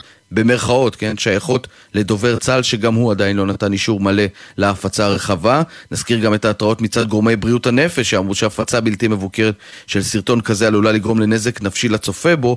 בכל מקרה, זו הכוונה בדרג המדיני. הדיונים מתקדמים מאוד להבנתי, וחלק מסרט הזוועות צפוי להתפרסם בקרוב לציבור הרחב. כך אומרים לנו גורמים שמעורים בעניין. תודה, יניר קוזין, כתבנו המדיני. ועכשיו אנחנו אל אה, האות החיים הראשון שמגיע מהאזרחית הישראלית אליזבת צורקוב, שנחטפה בעיראק לפני שבעה חודשים, ודווקא אתמול אה, שידר ערוץ עיראקי אה, סרטון שבו היא מדברת למצלמה בעברית, פרשננו לעניינים ערביים ג'קי חוגי, והיא גם מדברת שם כמובן על המלחמה בעזה. נכון, אפי, בוקר טוב, ערוץ ערביה, זה השם שלו, ערוץ פרטי, מקורב למיליציות הפרו-איראניות בעיראק, היא נעלמה בעיראק לפני שבעה חודשים, כמו שאמרת, סרטון בין ארבע דקות ורבע, הנה תשמע תחילה איך הוא נפתח. שמי אליזבת סורקוב, אני אזרחית ישראלית, גילי עוד מעט יהיה 37. אז הסרטון מצולם בחדר שנראה כמו סלון של בית, הווילון, הרעות, לא בסגנון שמקובל בעיראק. היא נראית בריאה ושלמה, אבל מותשת, שפת הגוף שלה עצבנית ולא נינוחה. ולמה עכשיו? זה מתברר בסרטון, היא אומרת בעצמה. היא משמיעה קריאה נגד המלחמה בעזה, לא נוכל לחיות בשלום עם ממשלת, עם ממשלת ישראל בעזה, זו התנהגות מטופשת של ממשלת נתניהו, ככה היא אומרת. עוד פרט שהיא משמיעה זה שהיא שהיא עבדה עבור המוסד וה-CIA, פעמיים היא מזכירה את זה. צורקוב נהגה לנסוע אה, לפעמים לעיראק וגם לסוריה בדרכונה הזר. מי שמכיר אותה, ואנחנו הכרנו אותה כי היא הרבתה להתראיין אצלנו, היא ידענית גדולה בנושא הסורי, יודע שהיא רחוקה מארגוני ביון, כנראה אלה דברים שאמרו בפיה, היא אדם לא ממסדי, אה, פרו-פלסטיני, ולכן המילים האלה אה, מן הסתם אמרו לה להגיד. נזכיר אפי שאליזבת צורקוב מוחזקת בידי גדודי חיזבאללה, זה לא חיזבאללה הלבנוני, גדודי חיזבאללה זה ארגון שיעי פרו-איראני בעיראק. תודה, ג'קי. תודה לך. מצטרף אלינו ראש הממשלה לשעבר, ראש האופוזיציה כיום, יאיר לפיד, יושב ראש יש עתיד, שלום לך. בוקר טוב, אפי. כולנו תחת הרושם של הסרטון אתמול שהפיץ דובר צה"ל, שהוא בעצמו נמצא בבית החולים רנטיסי בעזה, גם במרתף בית החולים. מה תאמר היום למנהיגים זרים עם שתנהל איתם שיחות, גם ממדינות שלא ממהרות להתייצב לצידנו מאז 7 באוקטובר? שהם יצאו מדעתם. זה מה שאני אומר להם. אני אומר להם, אנחנו נלחמים בארגון טרור נורא. שהורג אזרחים, שמתנהג, מאז אייסיס, מאז דאעש לא היה התנהלות כזאת ואתם צריכים להתייצב לצידנו ואנחנו אמרנו לכם מהיום הראשון שהם משתמשים בבתי החולים בתור אה, מרכזי טרור ושלא תהיה לנו ברירה אלא להיכנס, אנחנו נעשה את זה בזהירות, אנחנו ננסה לשמור על הפצועים אבל אל תבואו אלינו בטענות, תבואו לחמאס בטענות. אתה כמובן מעודכן באופן תדיר על ידי ראש הממשלה מתוקף תפקידך כראש האופוזיציה, אתה מקבל את הגרסה את, את העמדה, נאמר יותר נכון, של גורמי הביטחון והדרג המדיני שהפעולה הקרקעית דווקא מקרבת עסקה לשחרור חטופים? אני מקבל את העיקרון שהלחץ הצבאי הוא חלק מהלחץ שמפעילים על החמאס. החמאס, אני אומר שוב, זה ארגון טרור נורא, מזוויע, שמבין רק כוח. ולפיכך הפעלת הכוח צריכה להיות חלק מהמדיניות. זה לא משנה את העובדה שאחת ממטרות המלחמה, אם לא הראשונה שבהן, צריכה להיות החזרת החטופים שלנו. אתה יודע, הסתכלתי כמו כולנו על הסרט הזה על נועה מרציאנו. זה, זה, אני ישבתי עם המשפחה שלה לפני כמה ימים, זה שובר את לבך כל פעם מחדש. אנחנו צריכים להחזיר את החטופים בכל דרך שהיא. חלק מזה יהיה הפעלה של כוח, חלק אחר יהיה משא ומתן חכם עם דרך גורמי ביניים, חלק יצליח, חלק לא, עד שנחזיר את החטופים שלנו הביתה. ובהקשר הזה גם ההסברה חשובה, ויניר קוזין דיווח כאן לפני 2-3 אה, דקות, שבישראל שוקלים להפיץ כמה דקות, שתיים, ממש קטע ערוך של כשלוש דקות מסרטון הזוועות לרשתות חדשות בעולם. זה נושא שנוי במחלוקת אצלנו, מה אתה חושב? אני חושב שאפשר. זאת אומרת, אם עורכים את זה חכם, אז אפשר... בסוף הם צריכים להבין, הרי מה קורה? הצד השני מפרסם כל הזמן סרטונים חלקם מופרכים. הם משתמשים בתמונות ממלחמת האזרחים בסוריה וטוענים שזה היום בעזה, הם משתמשים בתמונות מבוימות. יש תמיד בעיה למדינה דמוקרטית שמחויבת לדווח אמת מול ארגוני טרור שמשקרים כמה שבא להם, ובטיקטוק מישהו מוריד חמש שניות ואומר אוי ואבוי זה נורא. אז אין ברירה, לפעמים צריך להשתמש גם בזה. העולם צריך להבין מה קורה פה. יש פה מלחמה של טובים ורעים, יש פה מלחמה של בני אור בבני חושך. זה לא קורה הרבה.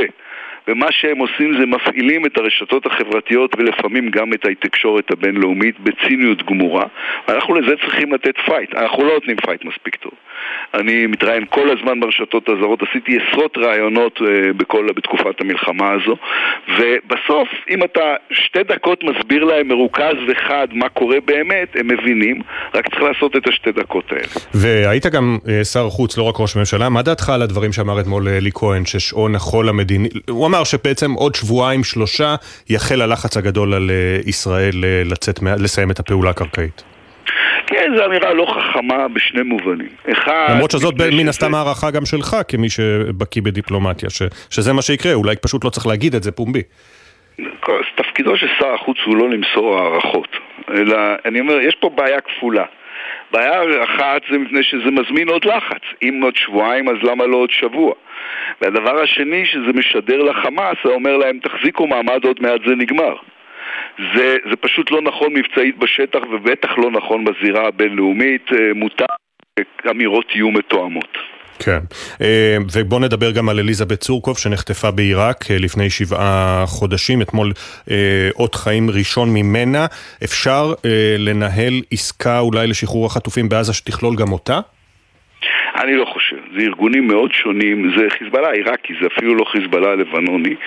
זה, זה עוד לא חסרים ארגוני טרור ברחבי אה, המזרח התיכון, צריך לעשות כל מאמץ כמובן כדי לשחרר אותה, אבל זה סיפור מאוד מאוד שונה מהסיפור העזתי, זה חוקרת שהסתובבה באזורים האלה לא מעט, ופשוט מישהו החליט לשים אותה בתוך מרתף, אנחנו צריכים להתאמץ לשחרר אותה, אבל לא, אין, אין חיבור אמיתי בין זה לבין הסיפור של עזה.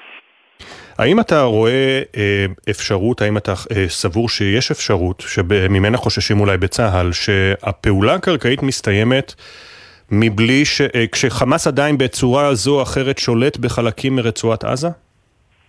ואז מה נגיד לתושבי בארי ולתושבי, כן, הייתי בניר עוז אתמול. אתה יודע, ו- ומה נגיד לגדי ירקוני באשכול שאתמול הראה לי מצגת איך הוא מנסה לנהל את האנשים שלו מרחוק. אם חמאס יישאר בעזה, אי אפשר יהיה לחזור לעוטף עזה, ואם אי אפשר לחזור לעוטף עזה, אז מה שווה הציונות? אנחנו צריכים... כי אנחנו להמשיך... מדברים פה על חודשים ארוכים של פעולה, אם זה ככה. להיות. יכול להיות, יכול להיות. גם אם, העולם יעמוד, גם אם העולם יעמוד על רגליו האחוריות ויצעק? גם אם העולם יעמוד על רגליו האחוריות, אנחנו צריכים לעשות עבודה טובה יותר מול העולם. אבל אנחנו צריכים להסביר לעולם, ישראל לא תחיה ככה. ישראל לא תחיה כשארגוני טרור עומדים על הגבול שלה ואומרים אוקיי, אני מחכה לסיבוב הבא. מי שנכנס ורוצח 1,400 אזרחים ישראלים וחוטף 241 אזרחים ישראלים ואזרחים זרים, צריך לדעת שהוא יושמד. זה המינימום שהמדינה הזו חייבת לאזרחיה. יכול להיות שזה ייקח הרבה זמן. ואנחנו צריכים להיות מוכנים לזה. אתה יודע, אני אומר למנהיגים זרים כשאני מדבר איתם וגם ברשתות. כשהקואליציה הבינלאומית יצאה למלחמה במוסול, נגד אה, דאעש. אז הם חשבו שזה ייקח חודשים, בסוף אם אתה מסתכל על זה, זה התחיל ב-2014 וזה נגמר ב-2019 ואף אחד מהם לא חלם להפסיק לפני שדאעש הובס. Mm-hmm. ואנחנו לא נפסיק לפני שחמאס יובס והחטופים שלנו יוחזרו. אתה יודע מה, אני הופך את הסדר, לפני שהחטופים שלנו יוחזרו וחמאס יובס. ומה לגבי הצפון, האם אתה תומך באסטרטגיה הנוכחית של צה"ל בינתיים להגיב רק על הצפון ולהתמקד בלחימה בדרום? תראה, קודם כל אסטרטגית אנחנו בסוף נצטרך להרחיק את חיזבאללה מגבול הצפון. אבל כשאתה מנהל אה, מאבק בזירה אחת, ואפשר להתמקד בו ולהחזיק את המתח הזה בצפון, למרות שזה כאילו אה, אה, מאוד מכביד על תושבי הצפון, אתה צריך לעשות את זה. אני חושב שזה נכון, זה גם התיאום עם האמריקאים שהוא חשוב, אה, זה גם מה שהאמריקאים אומרים לנו, אנחנו עובדים מולם. כך שבסך הכל אה, זה לא אידיאלי כמובן, יש לנו רק ברירות רעות, אבל בין הברירות הרעות כרגע כרגע זה ההתנהלות הנכונה. אתמול דיווח ספי עובדיה בחדשות 13 שיש אה, רחש בחש בתוך הליכוד, קבוצה של פחות מעשרה שרים וחברי כנסת מדברים על אפשרות אה, בעצם להדיח את ראש הממשלה נתניהו אחרי שיסתיים המבצע הקרקעי. האם אה, אתה כראש האופוזיציה, יושב ראש יש עתיד, מנהל שיחות עם גורמים מסוימים בליכוד בנושא הזה? תראה, כנסת ישראל היא מוסד, כולנו יושבים באותו בניין ומדברים בינינו וכולנו יודעים שיש משבר הנהגה, אבל גם אני אומר להם זה לא יקרה עכשיו. אנחנו צריכים, עכשיו אנחנו בשלב הראשון של הלחימה. אני, אתה יודע, אתמול בלילה דיברתי עם חברתי לימור ש, שבנה נפצע ועכשיו יושב בבית חולים ורב איתה כי הוא רוצה לחזור ליחידה שלו. זה המקום שבו החברה הישראלית נמצאת עכשיו. בסוף... רגע, אתה לא בעד אני... שראש הממשלה יתפטר עכשיו וייקח אחריות? אני לא בעד להיכנס לזה כשהלוחמים שלנו מנסים להגן על חייו של עם ישראל בעזה. זה, שואה, תראה, אני חשבתי עוד קודם שהוא לא האיש המתאים להנהיג את ישראל, אבל זה לא הזמן. אנחנו צריכים עכשיו קודם כל לנהל את החלק הראשון, אני לא מדבר איתך על זה טווח של שנים, את החלק הראשון של המאבק הזה ואותו אנחנו צריכים לנהל ביחד. והביחד הזה יש לו מחירים, וחלק מהמחירים זה שנשים את הפוליטיקה בצד. ואז, ואז כשאתה אומר את זה, אתה עדיין חושב שנכון להישאר ראש האופוזיציה ולא להצטרף לקבינט המלחמה ולקבינט המצומצם ול, ולסייע בניהול המשבר הקשה הזה? זה מוזר, אפי. אני הראשון שהציע שנעשה פה ממשלת חירום אבל אתה אומר לא לעשות פוליטיקה, מה זה משנה שעכשיו עד שאתה הראשון שהציע? אני אומר, ואמרתי בוא נעשה ממשלה שבה הקיצוניים בחוץ ועושים ארגון מסודר. אני, אני יושב בקבינטים מ-2013. בקבינט אתה צריך לדעת, כל אחד צריך לדעת מה תפקידיו ומה סמכויותיו כדי שזה יפעל כמו שצריך. אם לא, אתה סתם יושב שם. ואם זה סתם לשבת שם, אני מעדיף, אתמול בלילה היה לי שיחה קשה מאוד של שעה עם נשיאת הצלב האדום העולמי כדי אה, ללחוץ עליה שהם יעשו יותר על גבי החטופים, ועוד שיחה ארוכה עם נשיא, עם ראש האופוזיציה הבריטית להגיד לו, תשמע, גם אתם צריכים להצטרף. זה דברים שיותר נוח קל לי, לי אפילו לעשות מהאופוזיציה מאשר מתוך, מאשר לשבת בתור עוד יועץ בקבינט שאין לו סמכויות. אני אומר שוב, אני ראשון שחשב שצריך לעשות פה ממשלת חירום לאומית, אבל היא צריכה להיות ממשלה אמיתית, לא משהו בשביל לעשות הצגות לציבור. אוקיי, אז אני מעדיף לדבר עם משפחת מרציאנו ולנסוע לניר עוז. אמ, יש דיווחים על כך שיועצים של ראש הממשלה, בלשכת ראש הממשלה כבר אה, ביקשו פרוטוקולים חסויים של דיוני קבינטים עוד מלפני הממשלה הנוכחית. אתמול היועצת המשפטית לממשלה פרסמה הבהרה שאוסרת עליהם לעשות זאת שלא בנהלים המקובלים. כיצד אתה מנתח את הדברים הללו? אני אמרתי אתמול, אני חוזר על זה, תודה על השאלה הזאת. אני, אני, בניגוד לאינסטינקט ובניגוד אולי להיגיון הפוליטי, אני החלטתי לא להתעסק לא בשאלה של האשמה של ראש הממשלה ולא בשאלה של הכשירות של ראש הממשלה. יש רק דבר אחד שיגרום לי לשנות את ההחלטה רק אני קוטע אותך לרגע, צבע אדום בכיסופים, צבע אדום, אנא ייכנסו למרחב המוגן. כן, לפיד. מה שאמרתי הוא שאני אמרתי, אה, אני לא מתעסק עכשיו לא בשאלת האשמה של ראש הממשלה, זה לא אחרת, המילה היא אשמה, ולא בשאלת הכשירות. יש רק דבר אחד שיגרום לי לשנות את זה ולהתחיל להתעסק בזה, זה אם ראש הממשלה ימשיך להתעסק בזה. הוא לא יגיד לכולנו, תשתקו עכשיו מלחמה ואז הוא ואנשיו יתעסקו מהבוקר עד הערב בעדויות ובציוצים בלילות ובאמירות בשם גורם מדיני בכיר ונסיגה מהם. אתה רוצה שכולנו לא נעסוק בזה אלא רק במלחמה? זה כולל גם אותך. ראש הממשלה לשעבר, ראש האופוזיציה יאיר לפיד, יושב ראש יש עתיד, תודה רבה לך על הדברים. תודה רבה, בוקר טוב. ועכשיו אנחנו אל אה, המשפחות, המשפחות שחייהם השתנו בשבעה באוקטובר, 39 אה, יום מאז שנחטפו יקיריהן לעזה. אה, אמש התבשרה משפחתה של ויvian סילבר שהוגדרה נעדרת על זיהוי גופתה לאחר שנרצחה בשבעה באוקטובר. כתבנו גל ג'רסי, אתה מספר לנו הבוקר על האישה שפעלה בחייה למען השלום ונרצחה בביתה בידי מחבלים, וגם על הערכה המדאיגה שאחת החטופות פשוט ילדה בשבי. שלום גל. שלום אפי, משפחתה של ויvian סילבר התבשרה אמש שוויvian נרצחה בביתה בקיבוץ בארי במתקפת הפתע של חמאס. סילבר, בת 74, היא ממקימי ארגון נשים עושות שלום וחברת הנהלה לשעבר של ארגון בצלם. היא הוגדרה מאז ה-7 באוקטובר נעדרת, עד שאתמול זוהתה גופתה. בנוסף, אפי, אמש בשעות הלילה הותר לפרסום כי קיימת הערכה ישראלית כי אישה בהיריון שנחטפה ב-7 לאוקטובר ילדה בשבי החמאס. במידה והערכה נכונה, מדובר בתינוק השני שנמצא בידי ארגון הטרור, בנוסף לכפיר ביבס, בן התשעה חודשים. כפיר נחטף ביחד עם הוריו ועם אחיו אריאל, בן הארבע, מביתיהם בקיבוץ ניר עוז. חיילי צה"ל מצאו במרתף בית החולים רנטיסי, שם הוחזקו חטופים, חיתולים ובקבוקים לתינוקות. וגל, היום תצא צעדה של משפחות החטופים מתל אביב לירושלים. נציגי המשפחות יצעדו עשרות קילומטרים ועתידים להגיע לבירה בסוף השבוע. כן, לפי חמישה ימים של צעדה, תחל בשעה 12 היום, עם הצהרה לתקשורת בכיכר החטופים ברחבת מוזיאון תל אביב, ותיגמר במוצאי שבת מול משרד ראש הממשלה בירושלים. היום בסביבות השעה 4 צפויה הצעדה לעלות על כביש 1 לכיוון ירושלים, ולמשך הימים הבאים נציגי משפחות החטופים יקיימו מספר אירועים בנקודות עצירה שונות לאורך הצעדה. בהגיעם לנקודת סיום הצעדה מול משרד ראש הממשלה תתקיים עצרת במקום, והמשפחות מתכוונות לישון שם עד יום שני. תודה. גל. אה, ואנחנו עם אה, דני מירן, אביו של אה, עמרי שנחטף לעזה. דני השתתף בצעדה הזו מהבוקר, שלום לך. בוקר טוב. קודם כל ספר לנו על עצמך, בן כמה אתה דני? אני בן 78. בן 78 ואתה משתתף היום בצעדה. כן. ועמרי, שכבר 39 ימים בעזה, מה אתה רוצה לספר לנו עליו? עמרי ילד, אה, חמד של ילד, חייכן, שחקן, עם אה, גומות עמוקות ויפות, אה, ילד שאוהב אדם, הלך ללמוד שיאצו כדי לטפל בבני אדם ובילדים. הוא טיפל בילדים שנפלטו ממערכות חינוך והחזיר אותם למערכות החינוך ולתפקוד בבית וקיבל המון המון אה, מכתבים ותודה מההורים שהילדים באמת אה, חזרו לתפקד. ובנוסף לכך הוא עובד בגינון בקיבוץ. והקים משפחה, שתי ילדות, חמודות, אישה מקסימה, והתחיל לבנות בית רק. הציל אותן ונחטף בעצמו לעזה, והיום אתה כאמור כן. יוצא לצעדה, צעדה בת חמישה ימים. אה, מדוע חשוב להיות בצעדה הזו, דני?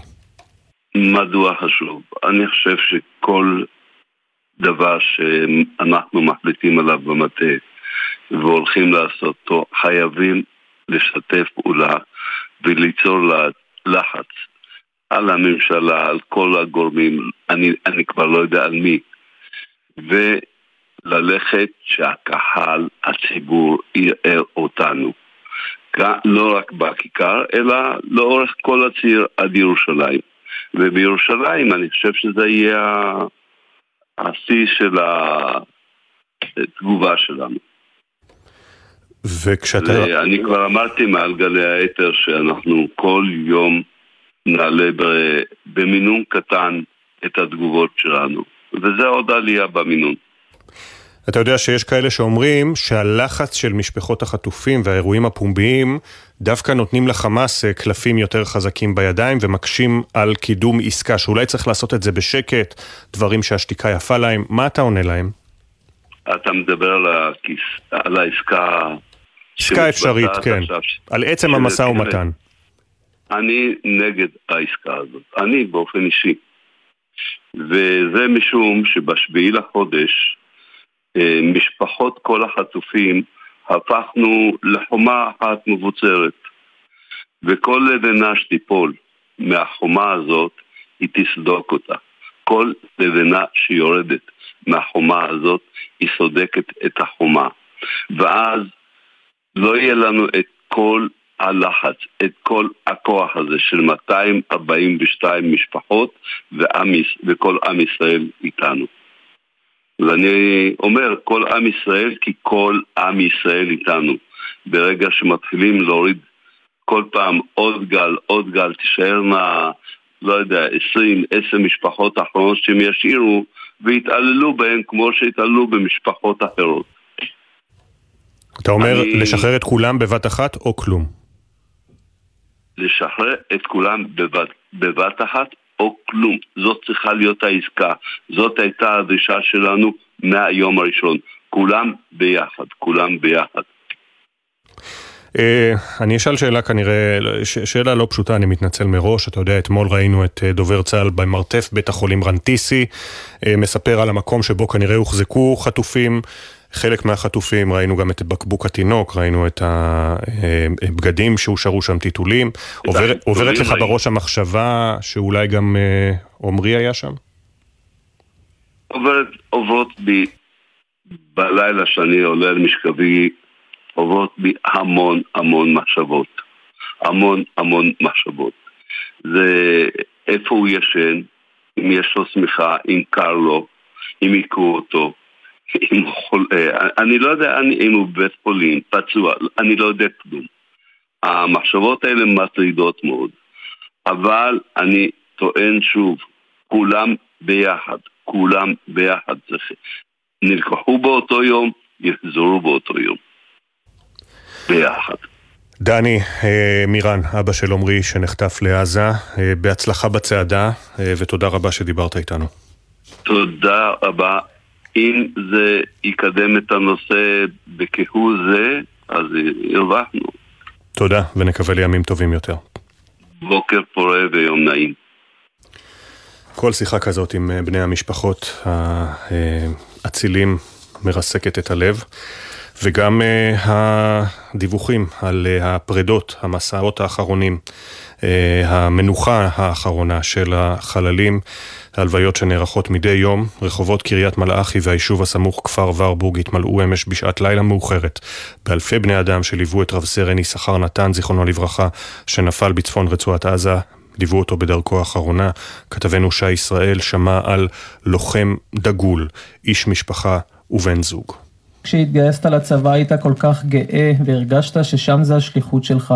גם כשאבא ואימא דאגו וניסו להניא אותך מללכת לאזורי סכנה, היית רגיש כלפיהם, אבל תמיד חתרת הכי רחוק שאפשר וכל הזמן חזרת ואמרת להם, מי יעשה את העבודה? ידעת שזה שליחות חייך, והקדשת לזה את חייך. השירות בצבא באמת היה שליחות חייו של רב סרן יששכר נתן, זיכרונו לברכה. את שירותו החל בחטיבת הצנחנים, ולימים התקדם להיות מפקד פלוגה מוערך ביחידת מגלן. מפקדו עופר ספד לו אמש. איפה ישנם עוד אנשים כמו האיש ההוא? מלא ערכים מבית, מפקד שאחריו הפקודים שלו הולכים, לא משנה כמה קשה. בשביעי לעשירי התייצבת ביחידה, בלי שאפילו קראו לך, ורק חיפשת איפה ניתן לתת יד. נבצר מחבריך ומפקדיך להיפרד ממך כפי שהיו רוצים. מאחר והם ממשיכים בלחימה בחזית הדרומית. ב-7 באוקטובר לא היסס, ולמרות שכמעט ולא ישן בלילה, בגלל הקפות שמחת תורה, נסע מיד לעוטף. אחותו נחמה מספרת. סחר, ילד יפה ומתוק, צנוע וענב, עם חיוך מבויש. חירפת את נפשך להציל משפחות שלמות בכפר עזה בשמחת תורה. אחרי שלילה לפני רקדת ושמחת בהקפות בבית כנסת עד השעות הקטנות. לפני שלוש שנים השתתף יששכר בסרטון שעלה ביוטיוב של זרוע היבשה. בסרטון הוא התריע בעדות מצמררת מפני טבח שעלול להתרחש. אחד הסבבים האחרונים שחטיבת עכשיו עומדת עזה, אז אנחנו היינו בניצב אבן. ומאה מטר מאחוריי, כשאני מסתכל אחורה, אני באמת רואה את יישוב נתיב העשרה. בסוף התחושה שלי, ואם אני לא אה, תוקף שם או נמצא שם, תושבים שהם נמצאים 100-150 מטר מאחורינו, מצאו טבח אצלהם. את ארבע השנים האחרונות הוא בילה עם אהובתו, בת זוגו, איילת. בהלווייתו היא בעיקר ביקשה להודות לו, וסיפרה על יששכר שלה. אני רוצה להגיד לך תודה. תודה שהייתה לי הזכות להכיר את החבר הכי טוב שלי. תודה על מי שהיית בשבילי. ארבע שנים שחווינו הכל מהכל. תודה על הזכות להכיר יששכר שרק אני הכרתי, ולא אף אחד אחר. אני אוהבת אותך. לנצח כולי. יהי זכרם של כל הנופלים ברוך. 7.37 ועוד חצי דקה הכותרות. הבוקר הותרו לפרסום שמותיהם של שני חללי צה"ל שנפלו בקרבות בעזה, ההודעות נמסרו למשפחותיהם. סמל ראשון רועי מרום, בן 21 מרעננה, מפקד כיתה בגדוד 906 ביסלח, שירת כלוחם בסיירת חרוב, נפל בקרב בצפון הרצועה. רב סמל ראשון במילואים רז אבולעפיה, בן 27 מרשפון, לוחם בגדוד 6863, חטיבה 12, נפל בקרב בצפון הרצועה. כמו כן ארבעה חיילים נפצעו אתמול קשה בקרבות ברצועת עזה ובצפון, כל משפחותיהם עודכנו. אמש, לאחר יותר מחודש זוהתה גופתה של ויvian סילבר מקיבוץ בארי, בת 74, שנרצחה בביתה ב-7 באוקטובר ונחשבה מאז נהדרת. כוחות צה"ל פועלים הבוקר במחנה הפליטים של טול כרם, עד כה חמישה מחבלים נהרגו בחילופי אש. הלילה הכוחות הרסו דירת מחבל חמאס שהשתתף בפיגוע ירי בתחנת הדלק בעלי בחודש יוני, שבו נרצחו ארבעה אזרחים. ולפני אה, זמן קצר התחדש הירי לעוטף עזה אחרי כשמונה שעות. ראש האופוזיציה, יאיר לפיד, אומר בבוקר טוב ישראל, נתניהו לא צריך להתפטר כעת. כולנו יודעים שיש משבר הנהגה, אבל גם אני אומר להם זה לא יקרה עכשיו. אני לא בעד להיכנס לזה כשהלוחמים שלנו מנסים להגן על חייו של עם ישראל בעזה. אני חשבתי עוד קודם שהוא לא האיש המתאים להנהיג את ישראל, אבל זה לא הזמן. משפחות החטופים והנעדרים תצאנה היום לצעדה בת חמישה ימים מתל אביב לירושלים. בבוקר טוב ישראל שוחחנו עם דני מירן שבנו עמרי נחטף לעזה והשתתף בצעדה. חייבים לשתף פעולה וליצור לחץ על הממשלה, על כל הגורמים, וללכת שהקהל, הציבור, יראה אותנו. לא רק בכיכר, אלא לאורך כל הציר עד ירושלים. עדכוני תנועה מגלגלצ, בכביש ירושלים תל אביב יש עומס תנועה ממוצא עד מחלף קריית יערים, כביש 6 דרומה עמוס ממחלף באקה עד אייל, מזג האוויר, ירידה בטמפרטורות וגשם לפרקים, ייתכנו שיטפונות והצפות, נצא לכמה הודעות ואז כל הפרטים לקראת צעדת הענק של תומכי ישראל הערב בוושינגטון בירת ארצות הברית. מיד חוזרים. בחסות אוטודיפו, המציעה מצברים לרכב עד השעה תשע בערב בסניפי הרשת, כולל התקנה חינם. כי כדי להחליף מצבר, לא צריך להחליף לשעות עבודה יותר נוחות. אוטודיפו.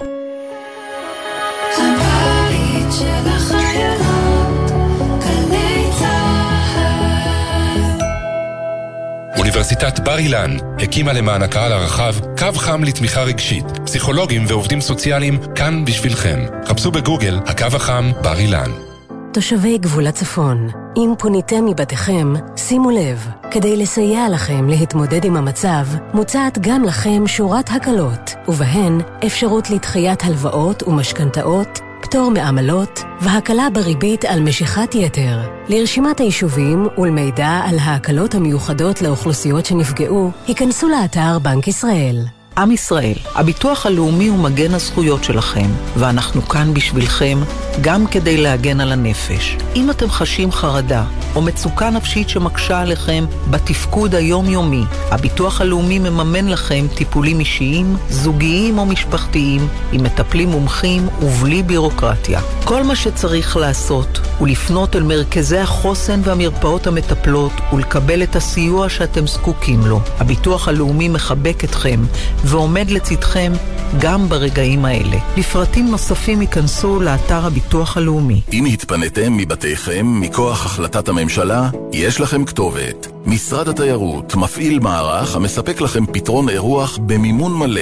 למעדיפים פתרונות שהייה שאינם בהסדר המדינה, אנו מציעים מענק של 200 שקלים למבוגר ו-100 שקלים לילד עד גיל 18 לכל יום ממועד הפינוי הרשמי ועד החזרה לשגרה. מדובר בסכום של 18,000 שקלים ל-30 יום למשפחה של 4 נפשות. לפרטים נוספים ולהגשת בקשה, היכנסו לאתר הביטוח הלאומי, משרד התיירות. הכתובת שלכם בדרך לניצחון. ביטחון. גלי צה"ל מזמינה אתכם להצטרף למאמץ המשותף למען התושבים בקו האש, באמצעות מיזם המיטה החמה, בשיתוף יישומון מקום בטוח, לחבר בהתאם לצורך וליכולת בין אזרחים ללא פתרונות לינה בעקבות המצב, לבין אלה המוכנים ויכולים לסייע. קטנה שלי בת שנתיים ותשע על הרצף האוטיסטי, אחרי כמה שעות חזרו אליי מגלי צה"ל, אמרו לי יש לנו התאמה. ניסו כמה שיותר להתאים אלינו מקום שיתאם לצרכים של המשפחה שלי. העובדה שיש מישהו שדואג לך כרגע, משהו שם הוא קל. אנו קוראים לכם לתמוך ולהיתמך. מוזמנים לפנות אלינו דרך הוואטסאפ במספר 052-915-6466.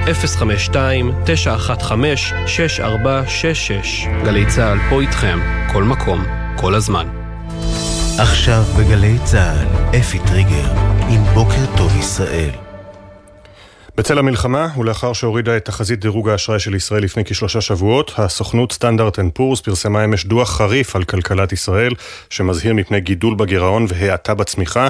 הסוכנות מדגישה גם את הצורך בהתנהלות תקציבית אחראית. בוקר טוב לכתבנו לענייני כלכלה ישראל פישר. בוקר טוב אפי, סוכנות דירוג האשראי סטנדרט אנד פורס או S&P פרסמה אתמול דוח שעשוי להשפיע גם על דירוג האשראי של ישראל בטווח הבינוני. גם במשרד האוצר הופתעו מהודעת הסוכנות אתמול. צריך לציין כבר בתחילה שלדירוג האשראי של ישראל יש חשיבות גדולה מאוד בקביעת תקציב המדינה. המשמעות של הורדת דירוג היא עלייה בריבית שמשלמת המדינה על חובות, ולכן יהיה פחות תקציב פנוי לתחומים אחרים. לפי S&P, אם המלחמה תתרחב גם לזירות נוספות, ההשפעה הכלכלית תהיה קשה יותר. החברה צופה שכלכלת ישראל תצמח בשנה הבאה רק בחצי אחוז, כלומר שהצמיחה לנפש תהיה שלילית. השפעות המלחמה על כלכלת המדינה יימשכו לפחות עד 2026 לפי החברה. בנוסף, מזהירה ה-S&P מפני התנהלות תקציבית לא אחראית, כמו תשלום פיצויים נרחב לעסקים שלא בהכרח זקוקים לכך, או המשך מדיניות תקציבית שלא כוללת שינוי בסדר העדיפויות. וזו התייחסות מכובסת להמשך תשלום הכספים הקואליציוניים לתחומים שלא תומכים בלחימה או בצמיחה הכלכלית. בתוך כך ועדת הכספים תמשיך לדון היום בשאלה אם להרחיב את מתווה הפיצויים המלא עד לגבול של 40 קילומטרים מרצועת עזה או להכניס עוד כמה יישובים בצפון הארץ. המתווה הזה מעורר מחלוקת רבה בקרב גורמי מקצוע מאז שהכריז עליו שר האוצר בצלאל סמוטריץ', בדיוק בגלל השאלה אם הוא מספק תמיכה לעסקים שבאמת צריכים אותה או לא סתם גורם לפיזור כספים. תודה ישראל. בשבועות האחרונים מדי כמה ימים נתפרסם תיעוד של ראש הממשלה בנימין נתניהו במפגש עם לוחמים. אתמול היו אלה לוחמי גדוד קרקל וגדוד הסיור הבדואי. אבל, כתבנו המדיני יניר קוזין, אתה חוזר אלינו עם ביקורת שאתה שומע מחיילי מילואים, מילואימניקים, שאומרים ראש הממשלה נפגש רק עם הסדירים ולא איתנו. אתה מביא את הפרטים יניר. כן, שוב שלום אפי. אז uh, כפי שאמרת, ראש הממשלה נתניהו מרבה לבקר ביחידות צה"ל. אבל הוא פוגש בעיקר, ברוב המקרים, את הסדירים, את חיילי הסדיר וחיילי הקבע, ואילו יש לא מעט חיילי מילואים, כ-300 אלף חיילי מילואים שמגויסים, ואיתם הוא נמנע להתקרב, נמנע ממגע מהם, הם לא חלק מהמפגשים הללו. ומספר מילואימניקים שמשרתים אה, בבסיסים שראש הממשלה ביקר בהם בשבוע האחרון, הביעו תרעומת בפני גלי צה"ל על כך שהם לא הוזמנו כלל לפגישה איתו, עם נתניהו, והם אמרו לנו את הדברים הבאים, אפי. ראוי שראש הממשלה שגייס אותנו בצו 8, ישמע גם את מה שלנו יש לומר. עזבנו את המשפחות שלנו לפני יותר מחודש, וזה מכעיס שראש הממשלה לא טורח להיפגש גם איתנו ולשמוע את קולנו, בדיוק כמו שגולדה עשתה ביום כיפורים, גם אם זה לא נעים, הוא צריך לעשות את זה, ואגב, אפי, לא כולם רוצים רק לתקוף את ראש הממשלה או אה, להטיח בפניו את האשמה והאחריות, הם אומרים לנו, יש גם עניינים של היחס למילואים בעיתות שגרה, שיש לא מספיק אימונים וציוד וכשירות של המילואים. ואומרים, אנחנו רוצים גם לדבר על כוח אדם, מענקים, צרכים כאלה ואחרים, זו הזדמנות שהוא מחמיץ לשמוע את האנשים המאוד מאוד יקרים הללו שעזבו את הכל והלכו למילואים, והם מבקשים ואומרים לראש הממשלה, כשאתה מגיע בפעם הבאה ליחידה צבאית, דבר גם איתנו המילואימניקים. מעניין, תודה יניר. 746. בקרב החברה הדרוזית שספגה אבדות קשות מתחילת המלחמה, היא מציפה את הדילמה הלאומית שמלווה אותה גם בזמני שגרה. בולטים יותר מתמיד הפערים בין השטח, כשרוב הגברים מגויסים לחזית בצו 8, ושאר העדה מתנדבת ותורמת בעורף, לבין ספר החוקים, שמקעקע את השוויון עם חוק הלאום וחוק קמיניץ שמזכירים שבשגרה הביחד מורגש פחות. כתבנו אדם פראג' מביא את זעקת העדה הדרוזית. הצעת חוק יסוד ישראל, מדינת הלאום של העם היהודי, אושרה כנדרש בשלוש קריאות. ברגע הזה, בו אושר חוק הלאום בכנסת לפני כחמש שנים, נוצר הקרע הראשון בברית החיים בין העדה הדרוזית בארץ לבין מוסדות המדינה. המלחמה בעזה והשתתפותם של רבים מבני החברה העלו שוב לדיון בקרב רבים בחברה הדרוזית את הכעס מכך שבשעה שהם נלחמים, החוק עדיין קיים. לפני כשבועיים, בהלווייתו של סגן אלוף סלמן חבקה, מפקד גדוד 53 שנפל בקרב בצפון רצועת עזה, השמיע מנהיג העדה, השייח' מואפק טריף, דברים קשים. המלחמה שנכפתה על המדינה היא מלחמה צודקת על הבית. לבני העדה הדרוזית יש מלחמה נוספת על הבית בו מתגוררים, ארונו של סלמן עטוף בדגל הלאום. מדוע שלא נהיה שותפים ושווים בחוק הלאום? בחברה הדרוזית מוחים גם על חוק קמיניץ, שמחמיר ענישה על עבירות בנייה. חלקים מבני העדה עזבו בית עם צו הריסה והתגייסו בצו 8 כדי להילחם. רייק שרוף, תושב עיספיא, אבא לשני חיילים שנמצאים בעזה ויש לו צו הריסה על ביתו מתוקף חוק קמיניץ, מסביר אני מרגיש מופקר. איך אפשר לשלוח חייל לצבא ולשלוח אה, עוד אה, חייל משוחרר שיעשה בצו 8 יעשה את מה שמוטל עליו למדינה, איך יילחמו, ויודעים שאבא שלהם משלם בגללם, בגלל שבניתי בית, כמעט 6,000 שקל בחודש. כמה אפשר לסבול ולהיות דחוי הצידה. השר היחיד שהתייחס עד כה לקריאות בחברה הדרוזית היה השר יעקב מרגי מש"ס, שאמר לפני שבועיים בטקס לזכר שני הקצינים הדרוזים, תושבי ינוח-ג'ת, שנפלו מתחילת המלחמה, נמצא את הנוסחה המאוזנת. ולצערי הרב, אומר אני זאת כחבר ממשלה. תמיד הרגשתי תחושת אי נוחות וקצת מאמץ. אפשר למצוא את הנוסח המאזן ולתת לזה ביטוי בחוק הלאום. בקרב בני העדה הדרוזית מקווים שגם אחרי שתסתיים המלחמה, ידעו בממשלה להתייחס לדרשותיהם. רבבות יהודים, ישראלים ותומכים מרחבי ארצות הברית כבר מגיעים לוושינגטון בירת ארצות הברית כדי להשתתף בצעדת התמיכה הגדולה בישראל שתתקיים, היא תצא לדרך בשמונה בערב שעוננו, כלומר אחת בצהריים בוושינגטון די.סי. בקהילות היהודיות והישראליות אה, מקווים לראות מאות אלפים ברחובות. כוחות אבטחה רבים כמובן כבר נפרסו באזור בצל גל האנטישמיות הגואה בארצות הברית בפרט ובעולם בכלל. שליחתנו בוושינגטון דרורה פרל, שלום, בוקר טוב. בוקר טוב אפי. רחובות ראשיים נחסמו לתנועה כבר אתמול במרכז העיר כאן. באזור הקרוי המו"ל הלאומי הוקמו גדרות ביטחון סביב המתחם שמוקדש לעצרת. כוחות גדולים של משטרת וושינגטון בתגבורת של המשמר הלאומי יגיעו בשעות הקרובות כדי לאבטח רבבות מפגינים יהודים, ישראלים ותומכים שהחלו לזרום אמש לבירה מכל רחבי ארצות הברית. המארגנים בהובלת ארגון הפדרציה הפדרציות היהודיות וועידת הנשיאים של הארגונים היהודיים בארצות הברית מצפים לעד מאה אלף נוכחים. הם מגדירים שלוש מטרות: להביע תמיכה בישראל, נחישות במאבק נגד הגל הגואה של אנטישמיות ודרישה לשחרור מיידי של כל בני הערובה המוחזקים על ידי חמאס בעזה. ארגונים רבים, ביניהם בתי ספר יהודים, בתי כנסת ואוניברסיטאות, מארגנים טיסות, הסעות הופעות וסידורי שהייה למפגינים שמגיעים מרחוק, כולל המלצות על מסעדות כשרות כאן ואפילו דוכנים ניידים לאוכל כשר במתחם העצרת עצמו. את האירוע המרכזי תקדים תוכנית מיוחדת לסטודנטים, בה יופיעו ידוענים מהוליווד וגם עומר אדם וישי ריבו. לאירוע המרכזי יגיעו חברי קונגרס ומנהיגים בקהילה היהודית, אבל הדוברים המרכזיים יהיו בני משפחה אמריקנים וישראלים של קורבנות וחטופים במתקפת שבעה באוקטובר. בימים בהם מדווחים 70 אחוזים מיהודי ארצות הברית על ירידה בתחושת הביטחון האישי, אומרים רבים שהם פשוט רוצים להיות ולהרגיש יחד. תודה דרורה, ואת תדווחי לנו גם uh, הלילה ומחר בבוקר מהעצרת uh, הגדולה, נקווה שהיא תעבור בשלום ושהמסר המהדהד יישמע. בכל שנה מגיע השלב הזה, בדרך כלל אחרי uh, סוכות, כשלוקחים שרפרף או סולם וממדף גבוה מורידים את החולצות הארוכות, צמיחות הצמר, הסוודרים והמעילים. השנה זה לא כמו כל שנה, והחורף בכל זאת מגיע. חלק מתושבי הצפון שפונו מבתיהם חזרו השבוע לביקור קצר, ממש קצרצר, לעיתים תחת אש, כדי להצטייד בבגדים חמים לחורף, מתוך הבנה שייתכן ששלג ירד בהרים לפני שישובו לבתיהם. הדס שטייף ליוותה אותם. כשתושבי יישובי הצפון, ולא רק, נאלצו לעזוב את הבתים והיישובים שלהם, הם לא חשבו שהחזרה הביתה תארך זמן רב. מעל חודש ימים נמצאים התושבים רחוק מהבית שלהם. בינתיים, מזג האוויר משנה פניו. כי יצאו כפליטים, לקחו בגדי קיץ בלבד.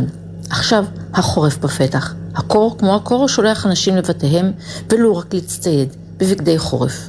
רק שמתברר שמדובר במבצע לא פשוט. תושבת מטולה העזה עשתה את הצעד והגיעה הביתה. בית שנצפה על ידי החיזבאללה ממש בקצה היישוב. היא מתארת. את ממטולה ולא נותנים לך להיכנס. לא. ואת מפונה. נכון. ואז כשאת מגיעה הביתה, מה את עושה? קודם כל אני נכנסת להתגנבות יחידים. בחושך. צריכה לסגור הכל. עם פנס אני אכנס. להוציא לי בגדי חורף. ו... וזהו, ואברח. אי אפשר להיכנס ליישוב. אלא בשעות מסוימות. ויש פחד נוסף, היא אומרת. חולדות, אני מתה מפחד מחולדות. אבל למה שישתלטו חולדות? בגלל הפיצוצים. הן יוצאות, פשוט נכנסות דרך האסלה, אפילו שסגרתי את האסלה, הן חכמות, הן יודעות לפתוח. מה שמטריד אותי זה אם בכלל סגרתי את הדלת של השירותים, כדי שלא תהיה לך גיגה. מוטי, תושב קריית שמונה, גם הוא ורעייתו נכנסים הביתה כמו גנבים. אנחנו אה, באים במשך אה, היום כמו גנבים, מגיעים הביתה, לוקחים אה, במהירות את מה שאנחנו צריכים, וזה כל פעם אנחנו שוכחים ואז אנחנו חוזרים, ו... ויום ככה, יום ככה. ופותחים את המים בשירותים ובברזים שלא יעלו חולדות ולא יעלו ג'וקים. אילן מירון אומר שקשה לאפשר לתושבים להגיע, לעתים אף לא לשעה אחת. כך הוא מסביר. הגם שמתאפשר להגיע, יכול להיות שהמשפחות שהן בדרך להתרענן, תוך כדי הנסיעה המצב משתנה בנ"ט כזה או אחר, כמו שהיה אתמול בדובב וכמו שהיה היום בנטועה. לכן אה, נוקטים במשנה זהירות, בעיקר על הצירים שהם אה, חשופים. הזמן עובר. קיץ מתחלף בחורף. באוויר אובך שמקשה לראות את האופק. מתי תחזור השגרה? מתי יוכלו כולם לשוב הביתה? מה יהיה? ועוד שאלות, שגם הגשם שהתחיל לרדת לא מביא תשובות. כן, אין עדיין תשובות. 7.54 ועוד חצי דקה. גלריית הבית הלבן עומדת על תילה יותר משני עשורים בבית ערבי עתיק ומשופץ בשטח הפתוח שבין הקיבוצים נירים וניר עוז. ב-7 באוקטובר הגלריה נותרה ללא פגע, אבל איבדה את האדם שהקים וטיפח אותה כל השנים. חיים פרי, בן ה-79, שנחטף לעזה ומוחזק שם בימים אלה. על הקיבוצניק הקשוח שנושם תרבות, הכתבה של אורי קספרי.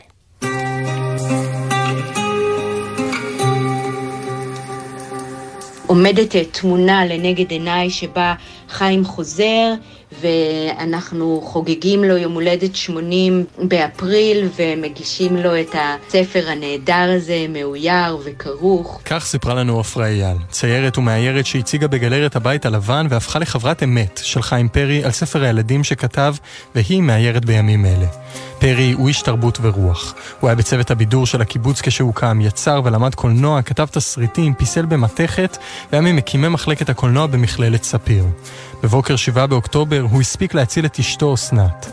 ליאור פרי, בנו, חושש מכך שגורל אביו מונח בידי אחרים. מישהו מנסה לפרוץ לממ"ד, ואבא שלי מצליח להדוף אותו, אבל מבין שהוא כנראה לא יצליח להדוף אם ינסו יותר, אז הוא מחביא את אה, אשתו בתוך הממ"ד. בפעם השנייה שהם הגיעו, אז הוא לא נאבק בהם, הוא יצא החוצה, והלכו. ועכשיו השחרור שלו בעצם נתון בידי פוליטיקאים ומתווכים, וכל מיני אנשים שמבחינתנו לא בהכרח יכולים לראות את התמונה הקטנה של החטוף הזה, או של הקבוצת זקנים הזאת. את גלריית הבית הלבן הקים חיים פרי לפני כשני עשורים, לטובת אומנים ואומניות שלא תמיד זכו להציג את יצירותיהם בתערוכות ובמוזיאונים הנחשבים. כשהוא הקים אותה הוא בעצם חיפש לעצמו איזשהו עיסוק שיוכל לתת מענה ולתת דרור לשאיפות האומנותיות שלו. הוא אמר, במקום לשבת ו- ולהגיד, אה, כן מקבלים את הסרטים שלי, לא מקבלים את הסרטים שלי, אני אעשה, יקום ויעשה.